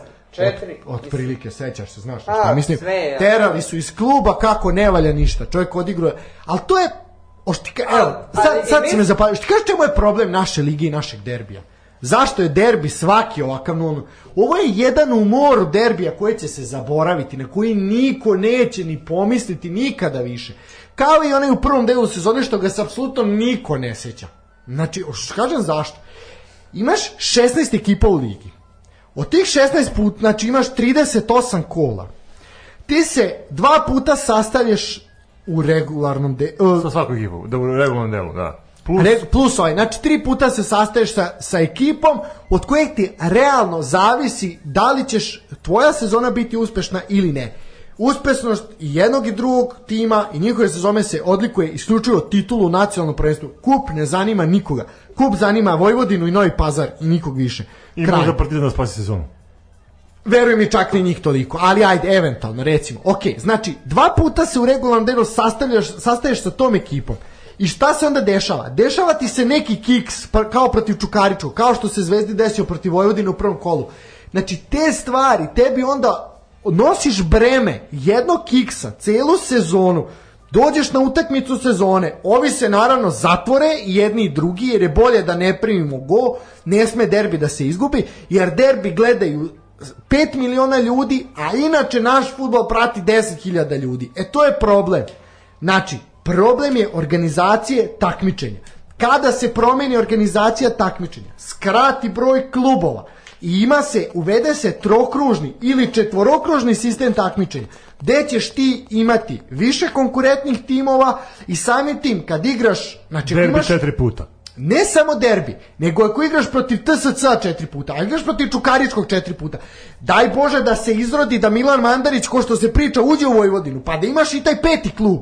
Pa jebe mu mater, kad onda igraš četiri puta, znači sa pet klubova koji su konkurentni, znači to ti je jedna trećina takmičenja su ti derbi utakmice. Pa onda budi lav pa skupi 50 86 bodova. Ajde onda da te vidimo. Ovako čemu mi pričamo? Imaš 180 minuta ti rešava, rešava prvenstvo. Daj bre jebote, kakva je ovo liga? Nikakva. Ovo je, jedina gora su Crnogorska koja je najniža Makedonska. i Makedonska koja, ajde kao tu se isto ne zna ko pije ko plaća i Bosanska gde je Zrinski ubedljivo van svake dimenzije ljudi će početi da se takmiču u drugoj državi jer već koju godinu 10 kola pre kraja uzimaju ligu. Kraj. Eto, dalje pričam šta hoćete, rekao sam šta sam imao. Poentirao je, apsolutno. Pa ne, mislim, za- ali nije to problem. Ja, ja sam to i u prošloj isto emisiji. Ne, preuzimam, ne preuzimam zasluge za ovaj malinov govor. Svima da bude jasno, sve je to, ovaj, sve su to njegove reči, Dobro, ali ali, apsolutno ja, se slažem. ali ajde da se vratimo u realnost. 10 Da se vratimo u realnost. Ovo je Real, problem. realnost je da imaš 38 kola, 30 regularnih i 7 O play-offa, da. Play-offa, Okej. Ali, Stefane, prevelika razlika u kvalitetu je problem. Ne radi se, ovaj sistem takmičenja čak nije toliko ni loš, ali prevelika je razlika, puno je utakmica koje prvo ne zanimaju nikog, drugo koje su nekvalitetne, treće tu su timovi koji je realno kvalitetom ne zaslužuju da se nalaze u nečemu što se naziva elitni rang takmičenja po meni, znači, vidi, mi ćemo naredne sezone imati dva predstavnika u Ligi šampiona. I sad, ti nećeš, mislim, znaš da pratim regionalnu scenu. Znaš koliko se ljudi u Hrvatskoj, u Bosni, u Sloveniji, pa i u toj Mađarskoj, pitaju, jebote, odakle Srbima dva predstavnika u Ligi šampiona? Nije zato što su nastale amebe pa srpski narod. Nije. Nije ni zbog Karlovaca, Ogulina i Virovitice. Nije ni zbog toga. To je isključivo delo dva kluba koji imaju van serijski kvalitet u odnosu na ostale i normalno da iskaču. I kad uđeš u takmičenje kao što je Liga konferencije, a videli smo da se napatio Partizan i tu, nisu oni glatko prošli. Crvena zvezda je odigrala kako je odigrala, nešto dobila, nešto izgubila, prošli su dalje.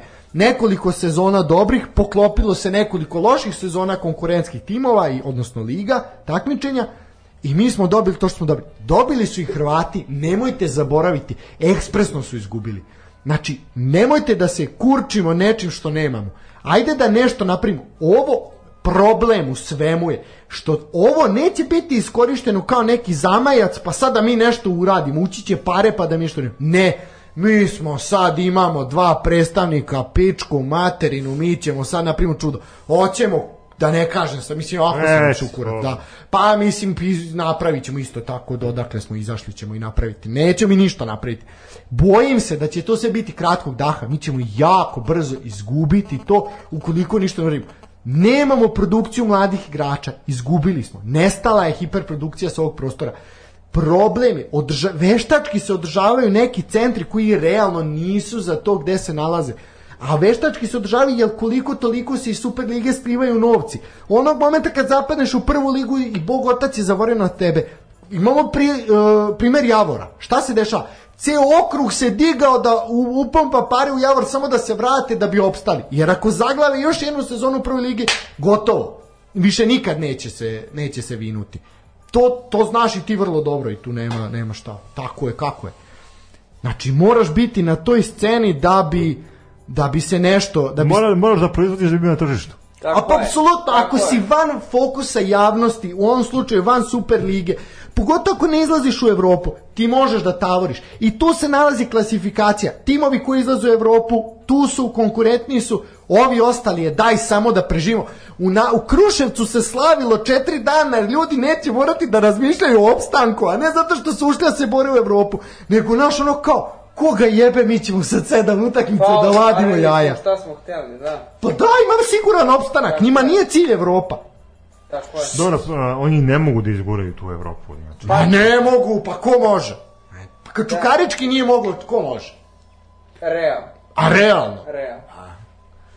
Da, mislim Pa da... da, ja, ja, ja bih se nadovezao na tu izjavu ovaj, e, Stanka o, o toj hipo, hiperprodukciji e, igrača.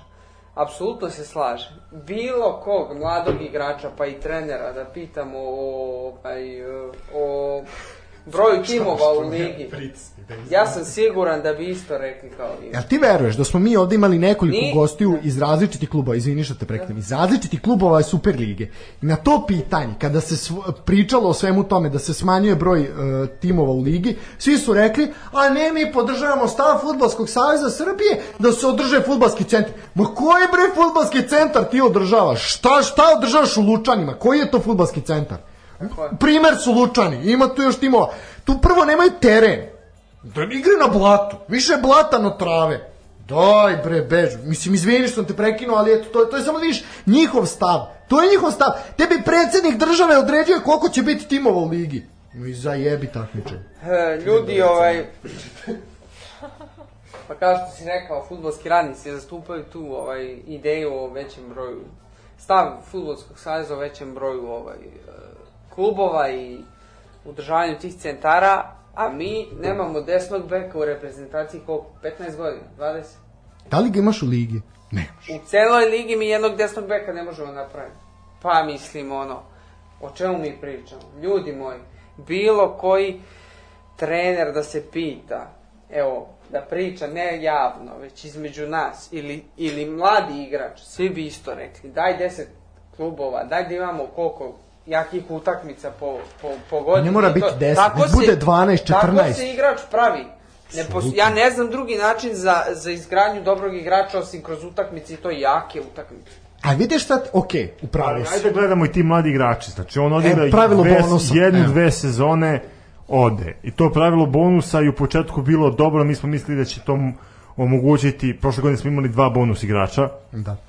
Da će se nešto napraviti, da će se gurati ta naša deca, znači da, da će klubovi imati mlade igrače kao produkte koje pokušavaju da razviju u ozbiljne igrače koji će sutra dobili? moći da, da, da, da prodaju ili da eventualno naprave nešto sa njima. A šta smo Mi smo na dobili? kraju dobili da ti igrači ni- ne urade ništa. Menjani su u 46. minutu. Menjani u 46 minutu, ti odmah sledeće poluvreme puštaš uh, drugi igrače da igraju, uh, taman kad se, kad se zagraju, desi se nešto, razumeš ono, eto, To je prva stvar. Menjani u 46. minutu. Drugo, to je, to je priča za zvezdu i I mi partizan. pričamo o mladim Zve, igračima. Zvezda nema, Zvezda nema, ne može sebi da dozvoli taj luksus da razvije jednog Da. igrača iz svoje omladinske škole To ili ili kroz transfer drugog mladog igrača. politiku je očigledno. Partizan ima, Partizan ima tendenciju i to radi iz godine u godinu da barem projektuje dva. Ali ali, definitivno... ali iz, ako kojih, jedan- iz kojih pobuda?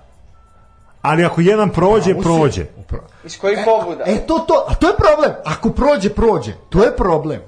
A šta ti, se dešava ti sa imaš ostalim situaciju da, da, da Partizan imao ranijih godina dva igrača sa kojima je uh, pogodio nešto. Tako je. Svi ostali si imao ništa. jedan do dva transfera Da. ono svake sezone. Tako je pravo si, To. okej. Ja ne vidim igrača Partizana trenutno, mladog igrača, koji će napraviti neki transfer. Ti si pričao za Milovanovića. Milovanović tavori. Milojević mora da beži iz Partizana ako će nešto da uradi. Ali ne treba da ode u našu ligu, on treba da ode negde napolje. Nek ide u Mađarsku, nek ide bilo Ne znam, ja gledam, eto, meni su simpatični i Milovanović i Terzić. I Baždar. I Baždar. Svi su simpatični, ali bojim se da neće uraditi ništa. Jeste, ili će Ne, neko od njih mora da, eto, njih četvorice, ja, ja tipujem da, da će barem jedan da napravi U nešto. Partizanu ne. Ja se, U ovom Partizanu ne. ja se slažem sa priča, Stefanom. pričali smo i za Svetu Ali- Markovića. Sveta Marković kad je ušao u, prvu, u prvi tim Partizana, u prvu postavu, on je delovo uplašeno, delovo je nesigurno, vidjelo se da, da da nema te utakmice, onog momenta kad je stasao kao igrač, vidjeli smo da on može da pruži jednu ozbiljnu partiju. Da. Da je postao i kalibar za, za nacionalni tim. Tako je, ali eto, po meni... Pa da, meni kakav već, je bio u prvom mandatu, kakav u drugom. Po meni već talent je i Milovanović i Terzić. od- Ali sad gledamo opet, možda Dobro, Partizan da, igra... ali- Ali, igrača, da, da, mislim, E, možda Partizan igra na tu, pozicija i to sve. možda Partizan igra na tu kartu što, što eto naši prijatelji iz uh, Histerika podcasta kažu uh, naš, hashtag naša deca, a Partizan igra na tu kartu da da te mlade igrače proda za velike pare, a onda ih posle dve, tri sezone dovede Pa jebo to, očekivaju, da, očekivajući da će da, će da im đavo razvije da karijeru. njega vraćaju za tri godine. Šta imamo mi kao zemlja Srbije i reprezentacija od toga što će se Ali vratiti ja ti- jedan Jojić ili, ili Marković? Ali opet sad, otišli smo na temu Partizana zato što... Par... Pa Pa te. ne, ali samo ne, ti kaže jednu stvar? Jeste, pa da. Hoću ti kažem jednu stvar. Otišli smo na temu Partizana zato što je Partizan klub koji može da projektuje ta dva igrača po sezoni i jednog da proda ili obojicu. Znaš, drugi klubovi nemaju tu, tu mogućnost. Zvezda nema taj luksus. Vojvodina nema taj luksus.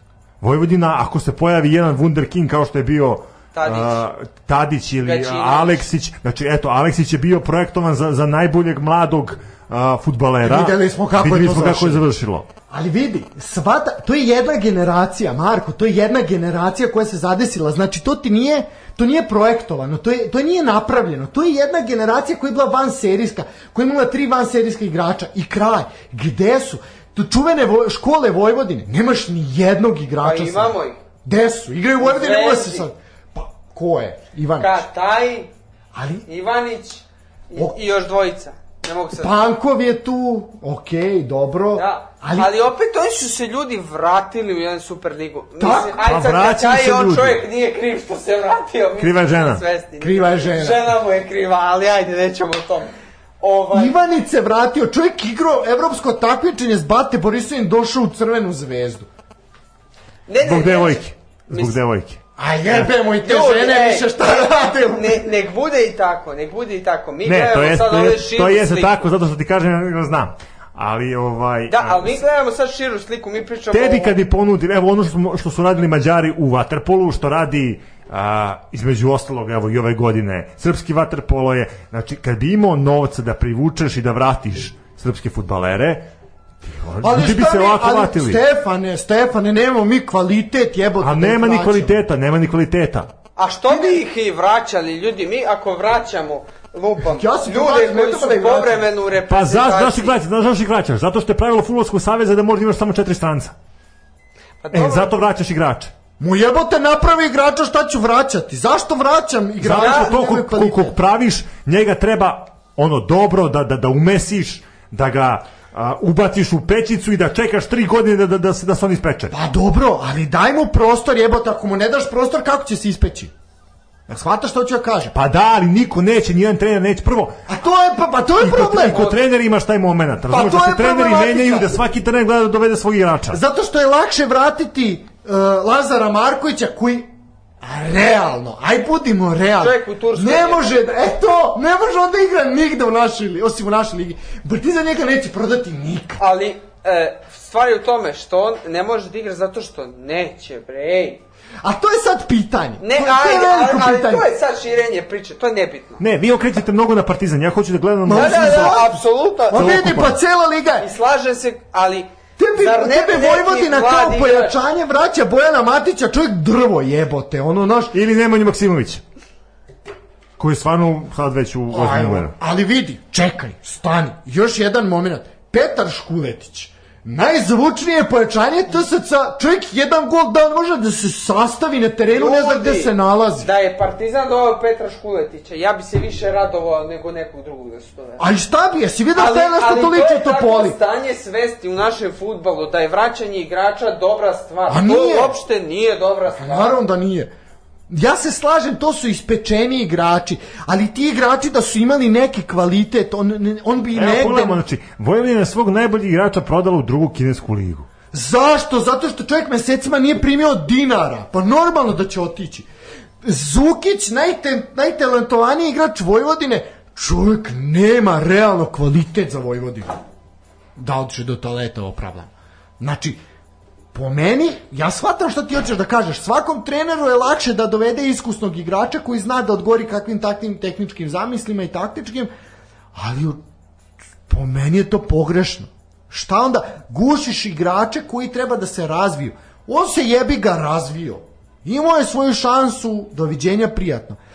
Moraš razlikovati povratak Zorana Tošića od povratka, na primer, Jojića, koji nije imao gde da igra, pa je došao da igra u Partizan. A Dobro, Zoran Tošić je je- odbio dobro. neke ponude, pa je došao, ipak je to drugačije. Jer sam Jović je rekao da je Tako je, čovjek je sam to i rekao. da, da mu je prioritet bio inostrani angažman, ali da je to propalo je na tom planu i da je odlučio da se vrati u Dobro, Partizan. hoćemo pričamo o Crvenoj zvezdi. Ajde, ne pričamo samo o Partizanu. Crvena zvezda može da ponudi finansijski žestoke ugovore Tako je. koje mnogi timovi koji igraju ligu konferencije, pa čak i ligu Evrope, ne, Ne mogu može. da, da obezbede. I normalno da će tebi jedan Pićini da dođe i da igra ligu Ne, uzem- šampiona, uzmemo ligu Dragovića, uzmemo Dragovića primjer. Dragović je najbolji primjer. Čovjek koji je real, mislim, čovjek došao iz Bayer Leverkusena, aj se zajebamo, igrao Bundesligu, došao vamo da igra po Surdulici i Lučanima. Čemu pričamo? Pa, Mislim, a deda je ipak dao zavjet. a deda je, pa deda je verovatno, a nemoj me i vući za jezik, deda je verovatno glumio u, u opkoljenima, razumeš, jedan od četvorice je bio. A nemoj. Ajmo na pauzu. Jebava, Ajmo. da, ajde, patišlo je u kurac, ajde.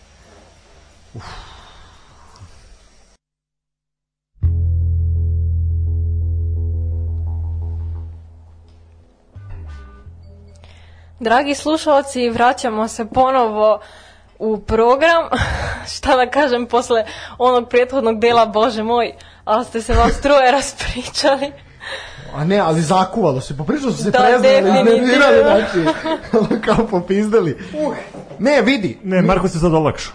Svakako. ne, vidi. Sada sam spreman da nastavim debatu. Vidi, ma ne, ali vrt, ovo to ti je vrzino kolo. Ti ne možeš ovde izaći s nekim zaključkom koji već nije svima poznat. Da, ovaj, samo da ponovim ovo što smo mi u pauzu rekli. Ajde, reci, reci, pa ćemo ići na tabelu i na E, najavu. nezahvalno je tražiti od nekog mladog igrača da igra godinu ili dve dana u našoj ligi i da svako drugo kolo on ovaj utakmicu može u glavi da, da, eto, da, da stavi na najniži nivo. M, U prevodu da prespava utakmicu, da igra sa nekim S pola klubom snage. koji je Pola tri snage. klase ispod njega. O čemu mi pričamo? Kako neki mladi igrač može kroz takvu utakmicu napred? Nikako. Nikako. I zbog toga odlaze posle šest meseci, godinu dana, godinu i. Ako mi hoćemo da naša ovaj liga napreduje i da naša reprezentacija i da naši igrači kao igrači po kvalitetu napreduju, mi moramo da im pružimo više jakih utakmica na tom e, početku karijere. Tako Tako, da, ja ne vidim drugo rešenje. Apsolutno, ali vidi, realno, aj sad da se opet vratimo nešto što smo zaključili prošli put. Nas trojica smo ovde tri obična lika koji vole da gledaju sport i sede i seru ponedeljkom. I ima hiljadu ljudi otprilike koji Isti slušaju naše ovo. Slušaju ovo i verovatno Ali se isti slažu s nama. Kao i mi, ja sam ubeđen da 70% ljudi bi isto to rekao. Apsolutno. 80. Ali institucije ne prepoznaju to. Ali zašto ne Možda prepoznaju? oni to i prepoznaju, ali, Ali ne vide rade u- ništa. Ne vide u tome neku korist. Naravno i to je problem. Lako je i nama kao idealistima i kao ljudima koji ono, eto, gledam... Ajde da pogledamo i malo šire. Može li šire? od- Plaće, Ne, plaće, koji plaće. klub, koji klub ima razvoj i strategiju kod nas? TSC Dobro? Čukarički Čukarički, da Dobro. i to je to. Eto. I Partizan da Partizan u omladinskim Da bi se kategorijama. održao, da bi, Da bi se, održao. održao, Eto, da. to je to. Eto. Eto. Mislim da sam vam dao odgovor na pitanje. Pa slažem se ja Stefane, ali da Znači bi... ti nemaš strategiju, nemaš Nemaš ništa. nemaš plan. Nemaš infrastrukturu. infrastrukturu, nemaš bazu. Znači baza ja mi eto pričamo kao tim fudbalskim centrima o Tako ajde je, kao pogledamo te je. te škole fudbala. Gde su? Nema. Nema, ti, ti, znači tebi su fud, fudbalski klubovi zamenile neke akademije školice fudbala. Da! I tebi trener, tebi Ali- dete trenira u, u ne znam, akademiju, uzet ću sada Ivici Lijev. Ajde, uzeo sam njega. Petar Puvača. Petar Puvača, Eto, to neko. svi znamo. Da. E, razumeš? I sad, on se razvija do neke 14. 15. godine, kad već treba da uđe u omladinski pogon nekog ozbiljnog kluba, taj ozbiljan klub je razjeban. Ili ne uđe zato što prednost ima neko Bravo. ko će progurati neko Dobro, dete. to, toga ima i toga će To biti da uvek i to je od Toga će uvek u Srbiji da bude, tako da... te Slažem protekcije. se. I sad gledaj sad tu krajnju situaciju. Da ti imaš da ta škola futbala ima jednog ili dvojicu talenata i onda gledaju da znači preko menadžera kombinacije da se to završi, da ode preko, da ovaj uzme lovu i da kaže sebi, "E, ja sam opravdao ovog malog, ali klub nije opravdao ništa. To sve stoji. I to se ne može iskoreniti. Znači, nemojmo se zavaravati. Ali ti, kao organizacija, krovna organizacija ovog sporta, možeš da zaštitiš te igrače tako što ćeš sistemom takmičenja naterati klubove da drugačije rade. E to je ono što je poenta. Ali nažalost toga Pa evo, ljude u fudbalsku primer. stazu boli pišolinko, Jest. št- kako će biti Tako takmičenje. Jebe tako im se. Oni naprave statut i, uh, i naprave protokol kako bi trebalo Superliga da izgleda ove godine i kažu, eto, za divno čudo treba da imate dve tribine, da tre tribine budu funkcionalne, da imate četiri reflektora, da imate mrežu koja nije izbušena i da imate pet lopti Identične dresove. e, identične dresove, ono, domaća i gostujuća je varijanta i da. to je to. Eto, vi možete igrati futbol. I o čemu pričamo? Ja Kao, slažem. treba da imaš, evo, ja gledam sad to po, po prvoj ligi, nismo stigli da, da, da iskomentarišemo prvu ligu. A, ti treba, znači prva liga i superliga su zvanično profesionalni rangovi takmičenja kod nas. Tako je. I oni moraju da imaju omladinski pogon. Tako je. E, sad pitanje je, da li iz tog omladinskog pogona oni mogu da crpe igrače za prvi tim ili je to sve na ono fazonu dođem ti, dođe menadžer, dođe trener, pa trener povuče svoje igrače i tako u krug. I opet ta deca koja su u omladinskim pogonima tih fudbalskih klubova koji igraju prvu ili, ili super ligu, opet je pitanje da li mogu da, da, da, se, da se probiju. To sve nije sporno. To je tako. To je tako za, zavijek će biti tako. Problem je što ti treba, znači to je kao velika reka koja teče. I ti Dunav ne možeš ograničiti. On će teći tom količinom koja teče. Ali možeš izvući nešto iz njega tako što ćeš na njega okačiti nešto ili ga ono iskoristi to, a iskoristi to što smo talentovana nacija time što ćeš naterati klubove da rade na sebi, a naterat ćeš klubove da rade na sebi tako što će im visiti opstanak u koncu. Pa će dve sezone visiti opstanak u koncu, treću sezonu će srediti teren, četvrtu će- sezonu će nešto srediti. Evo, imamo imamo, sad- ej bre, imamo tog malog talentovanog, jebo ga ti, ajde, gori nam pod nogama, daj ubaci njega, možda on i zna nešto. A to je to, Zove- eto, pa, pa to je to, objasnili smo. Znači, Ali ajde gledamo i, i drugu stranu, struku. A struka se isto plaši za goli život. Opis struke u Srbiji dao Ivan Stevanović nakon Stefanović nakon uh, remija s Partizanom 0 na, na INA. I to je čovjek rekao, nemojte ljudi, pa ja od ovoga živim. I bo, znači čovjek, oči su mu u strahu zato što je uzeo bod Partizanu. I čemu mi dalje pričamo? Ne, gledamo, znači, gledaš tu Superligu, prvu ligu, gledaš ove niže lige, gledaš kakvi su ljudi koji dolaze, koji te treniraju tu decu, Opet, ti ljudi Jo. bi radili na sebi da imaju zašta da se pripremaju. Kada imaš od 27... Ja baš, baš nisam, nisam uh, Ali ubeđen da bi, da bi radili na, Ali na ako sebi. je tako, Ali bi, Stefane, izborilo bi se. ne, nama spasa ja ti kažem zato što futbaleri su, Pa, tako je, evo, o- ovo pričam iz ličnog iskustva, futbaleri su inteligentno jako ograničena bića, Istina. E, i ti sa takvim ljudima treba da radiš i ti treba nekog da teraš na kurs. Znači njima je kurs Fudbalskog saveza. Ja sam bio u ovoj kući futbala i gledao šta oni uče.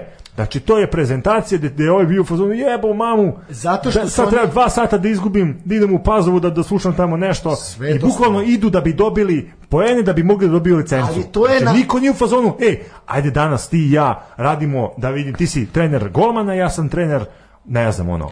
Ali zašto je to tako? Zato što se prvi futbalski savez nije postavio drugačije. Razumeš? Normalno je da će čovek teti da krivuda gde može da krivuda, ali moraš imati jake institucije, jaka pravila koje će ga usmeriti.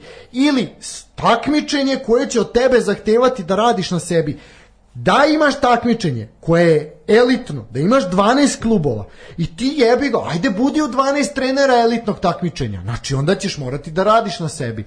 Ili će, ako nećeš ti, pa iskočit će neko ko je kvalitetan, pa će doći da radi. Znači, vrtimo se u krug. To što ti tvrdiš je istina. To je, to je trenutna situacija. Ovo što mi pričamo je naše viđenje načina kako nešto može da se promeni na bolje. Ovo nema nikakvog smisla. Ovo nema nikakvog smisla, se mi ne zajebamo. Ja uzimam primjer Marka Nikolića, koji dok je trenirao u radu, svi su čuli za Marka Nikolića. Tako je. Svako u Srbiji je znao da postoji trener rada koji radi sa igračima jako dobro, koji eto taj futbolski klub ovaj postavlja na neku višu instancu, na neku višu lesticu. I onda kad je napravio sledeći korak, kad je otišao jači klub, to, to, se, to se videlo, znači donio neke rezultate.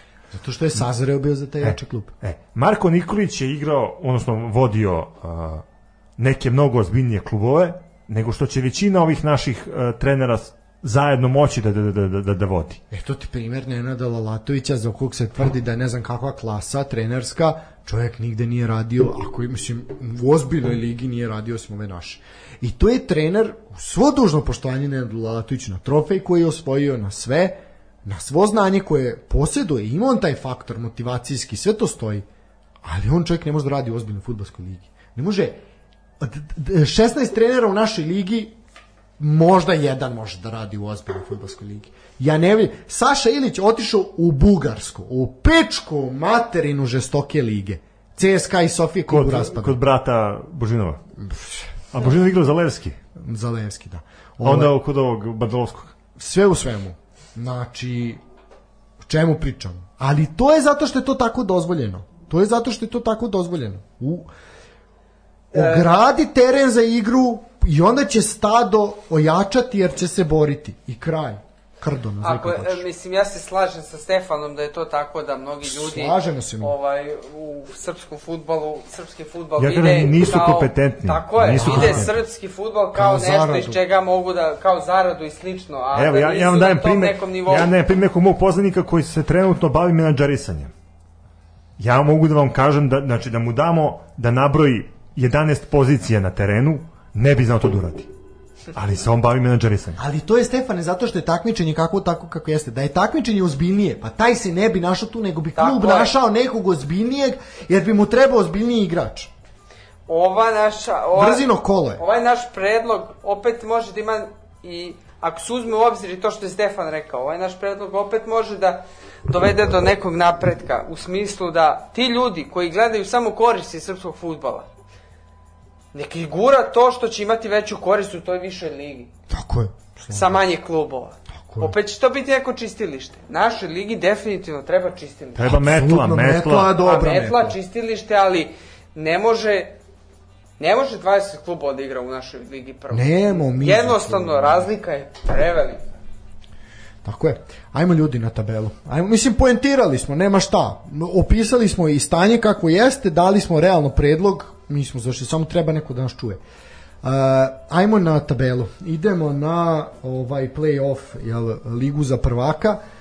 Crvena zvezda prva sa 82 boda, Partizan drugi sa 80, treći Čukarički sa 54, četvrti je TSC sa 44 i tu kreće borba za to četvrto mesto, s tim da kažem sada, uh, posle ovog poraza Čukaričkog direktnog konkurenta, sada već to uh, je problem, jer Čuk, Čuka može lako i da sklizne.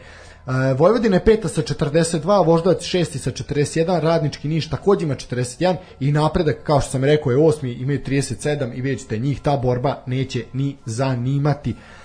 Što se tiče Lige za bedaka, da otvorimo, znači tu je poredak sledeći. Deveta je Mlado sa 37, Radnik je deseti sa 37, Kolubara je 11, a takođe sa 37. Spartak je 12 sa 34. Znači tu je 3 boda razlike. 3 boda razlike između Radničkog iz Kragujevca koji ima 31, Proletar ima 30, Novi Pazar 28 i Metalac ima 27. Metalac je ponovo preuzeo finjerošku poziciju s tim da u ovom slučaju kada bi se danas radio presek Metalac i Novi Pazar bi direktno ispali, a Proleter i Radnički bi igrali te neke da kažem, te neke dokvalifikacije ili baraže ili kako što da. hoćemo da to nazovemo. E, možemo na naredno kolo. Naredno kolo se, dragi moji, igra već u sredu. I ja uzimam olovku i pišem. Znači ovako, u Ligi za bedaka u 16 časova se u sredu e, susreću u Novom Sadu na Karadžođu proleteri radnike Surdulice. Vaše prognoze? Pa Proletar je sad u ozbiljnim problemima. Uh -huh. Mislim da svaka utakmica kod kuće je zlata vredna. On je ovo ne sme da izgube. X2. Da. X1X. 1X. I šta je ti 1X? Marko? Ma X. Čist.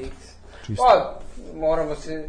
Razlik. prošli put, prošli put sam prepisivao, probao neku siguricu da odigram i... Nema, nema. Nema, ne vredi, to je kvađenje. Dobro, e, 16 časova, ja isto u sredu. TSC Crvena zvezda. E, ovo je sad recimo prva, prvo o, opasnije gostovanje koje ima Crvena zvezda u ovom play-offu, gde bi možda eventualno mogli nepažnjom da izgube bodove. Mm, teško.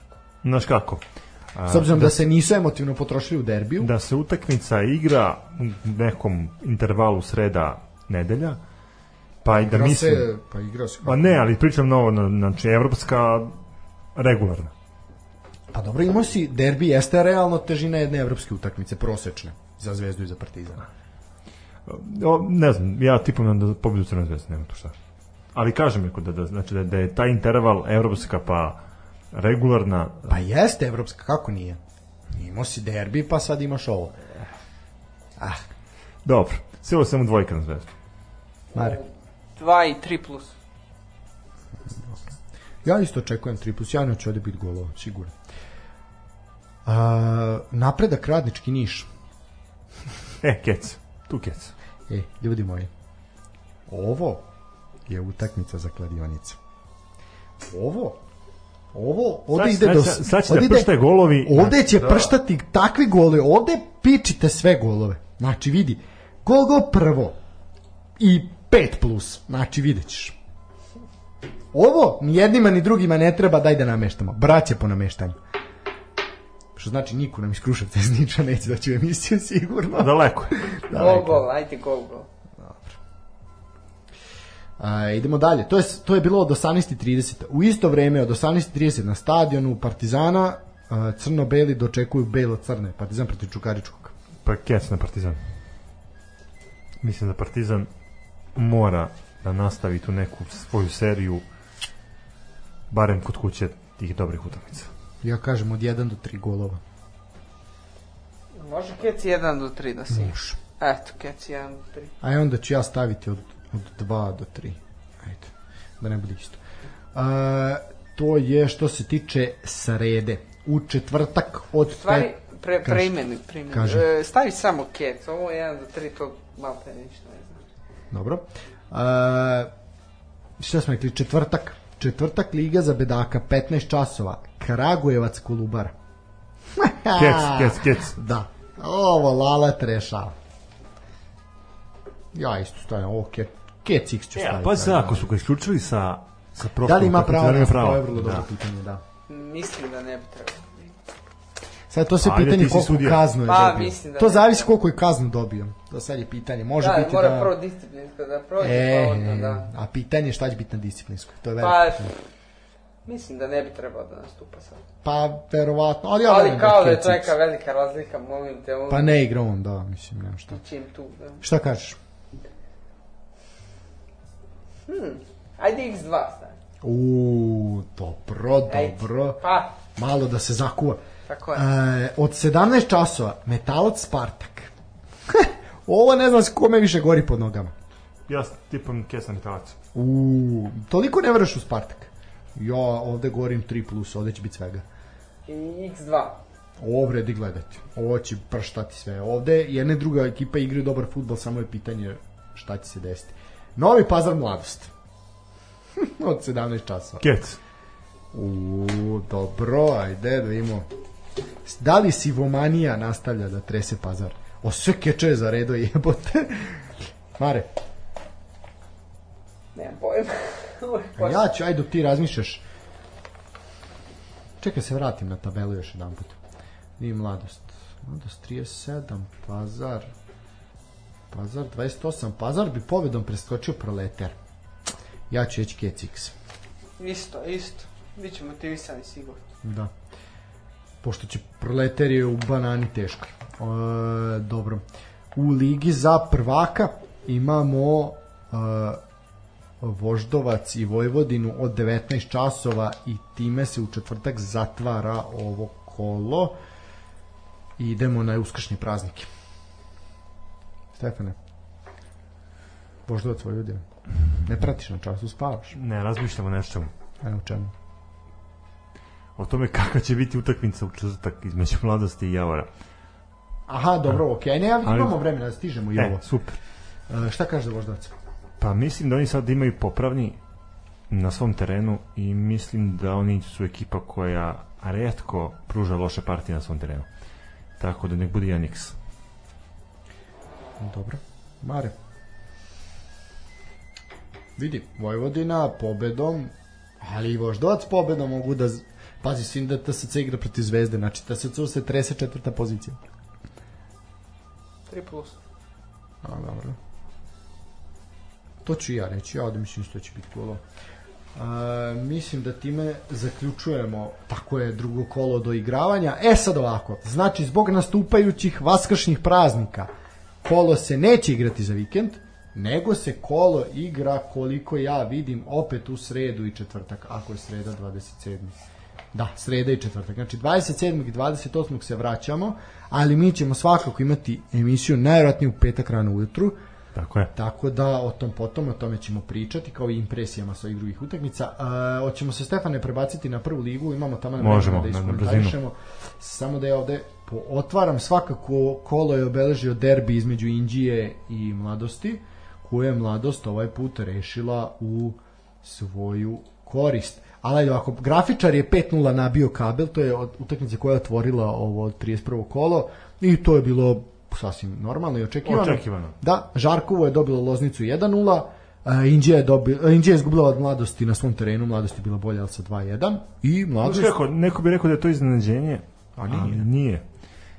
Ta utakmica, odnosno utakmica ta dva tima je bila jedna od boljih utakmica koje sam ja gledao ove godine u prvoj ligi. I ne, nije mi iznenadilo što je mladost uspela da na ovom teškom gostovanju uzme tri boda i da preuzme lidersku poziciju. Aha, dobro. E sad ovako. A, dobro. A, Indija, mladost. Dobro, IMT je tu kao uh, Sremsko, radnički iz Sremske Mitrovice sa 5-0. IMT takođe onako sad otvara sebi ozbiljne šanse za Imaju dobru ekipu, stvarno, igraju dobro polusezone.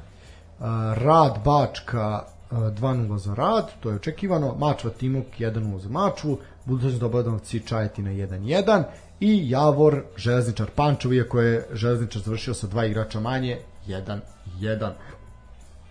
Što se tiče tablice, Mladost, prva, Mladost prva sa 60 bodova. Rado je pogled na tabelu, Indija druga sa 58, Javor je treći sa 57, to je samo bod razlike, Železničar 53, IMT 52, tu je IMT, pretenduje na to četvrto mesto, Mitrovica 46, mislim da oni čemu, nemaju čemu da se nadaju, Žarkovo 45 takođe i Loznica 41.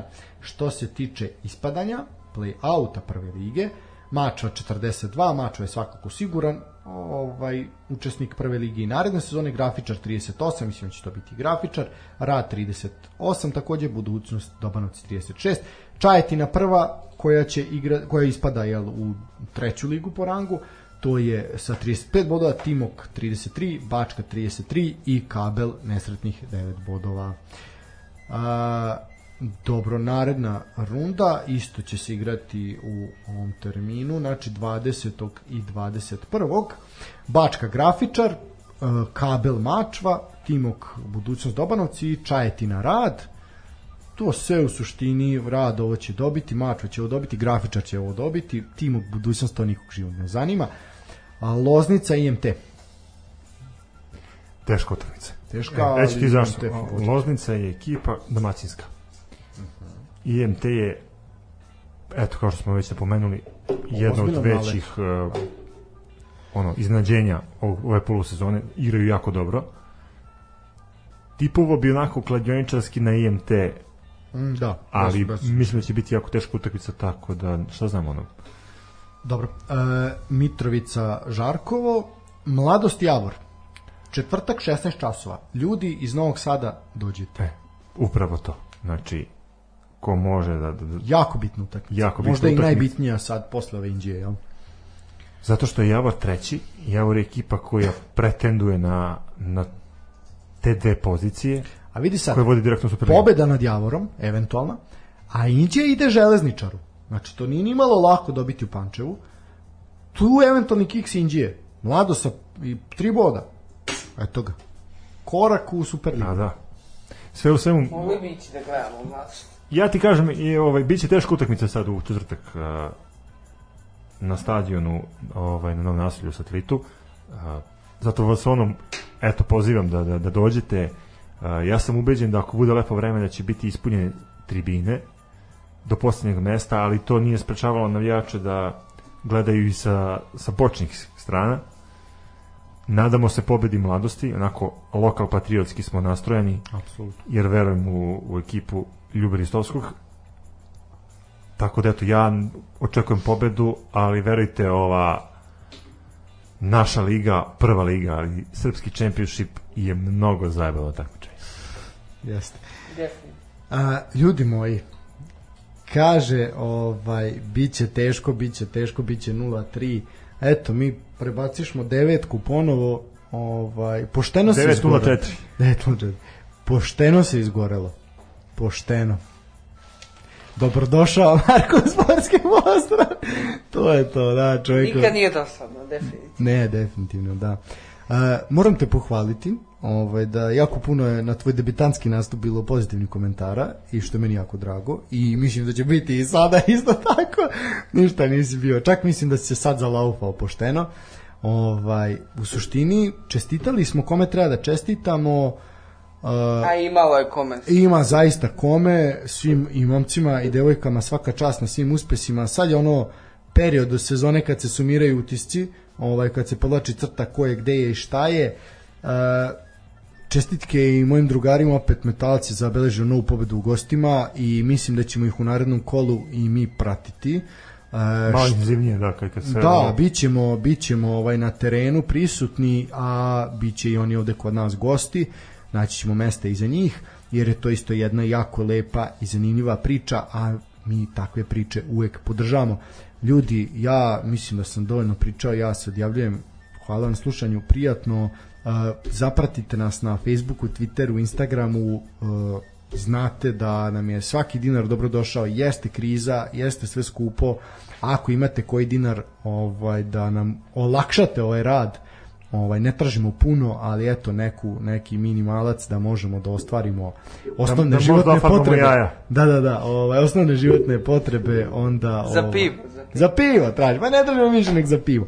Ljudi, od mene, Laković prijatno, Stefane, Mare, Tanja, izvolite. Evo, ovaj, meni se pripala čast nakon Stanislava da, da odjavim emisiju. A, to je to je za ovo večerašnje slušanje, bar se tiče mene. Tanja, imaš tu čast da, eto, završiš, da spustiš zavesu, pa izvoli. Hvala. Pa to je onda to od sportskog pozdrava za večeras. Ja sam bila ubeđena da ćemo mi za malo više od sat vremena da završimo, međutim uopšte nije tako bilo.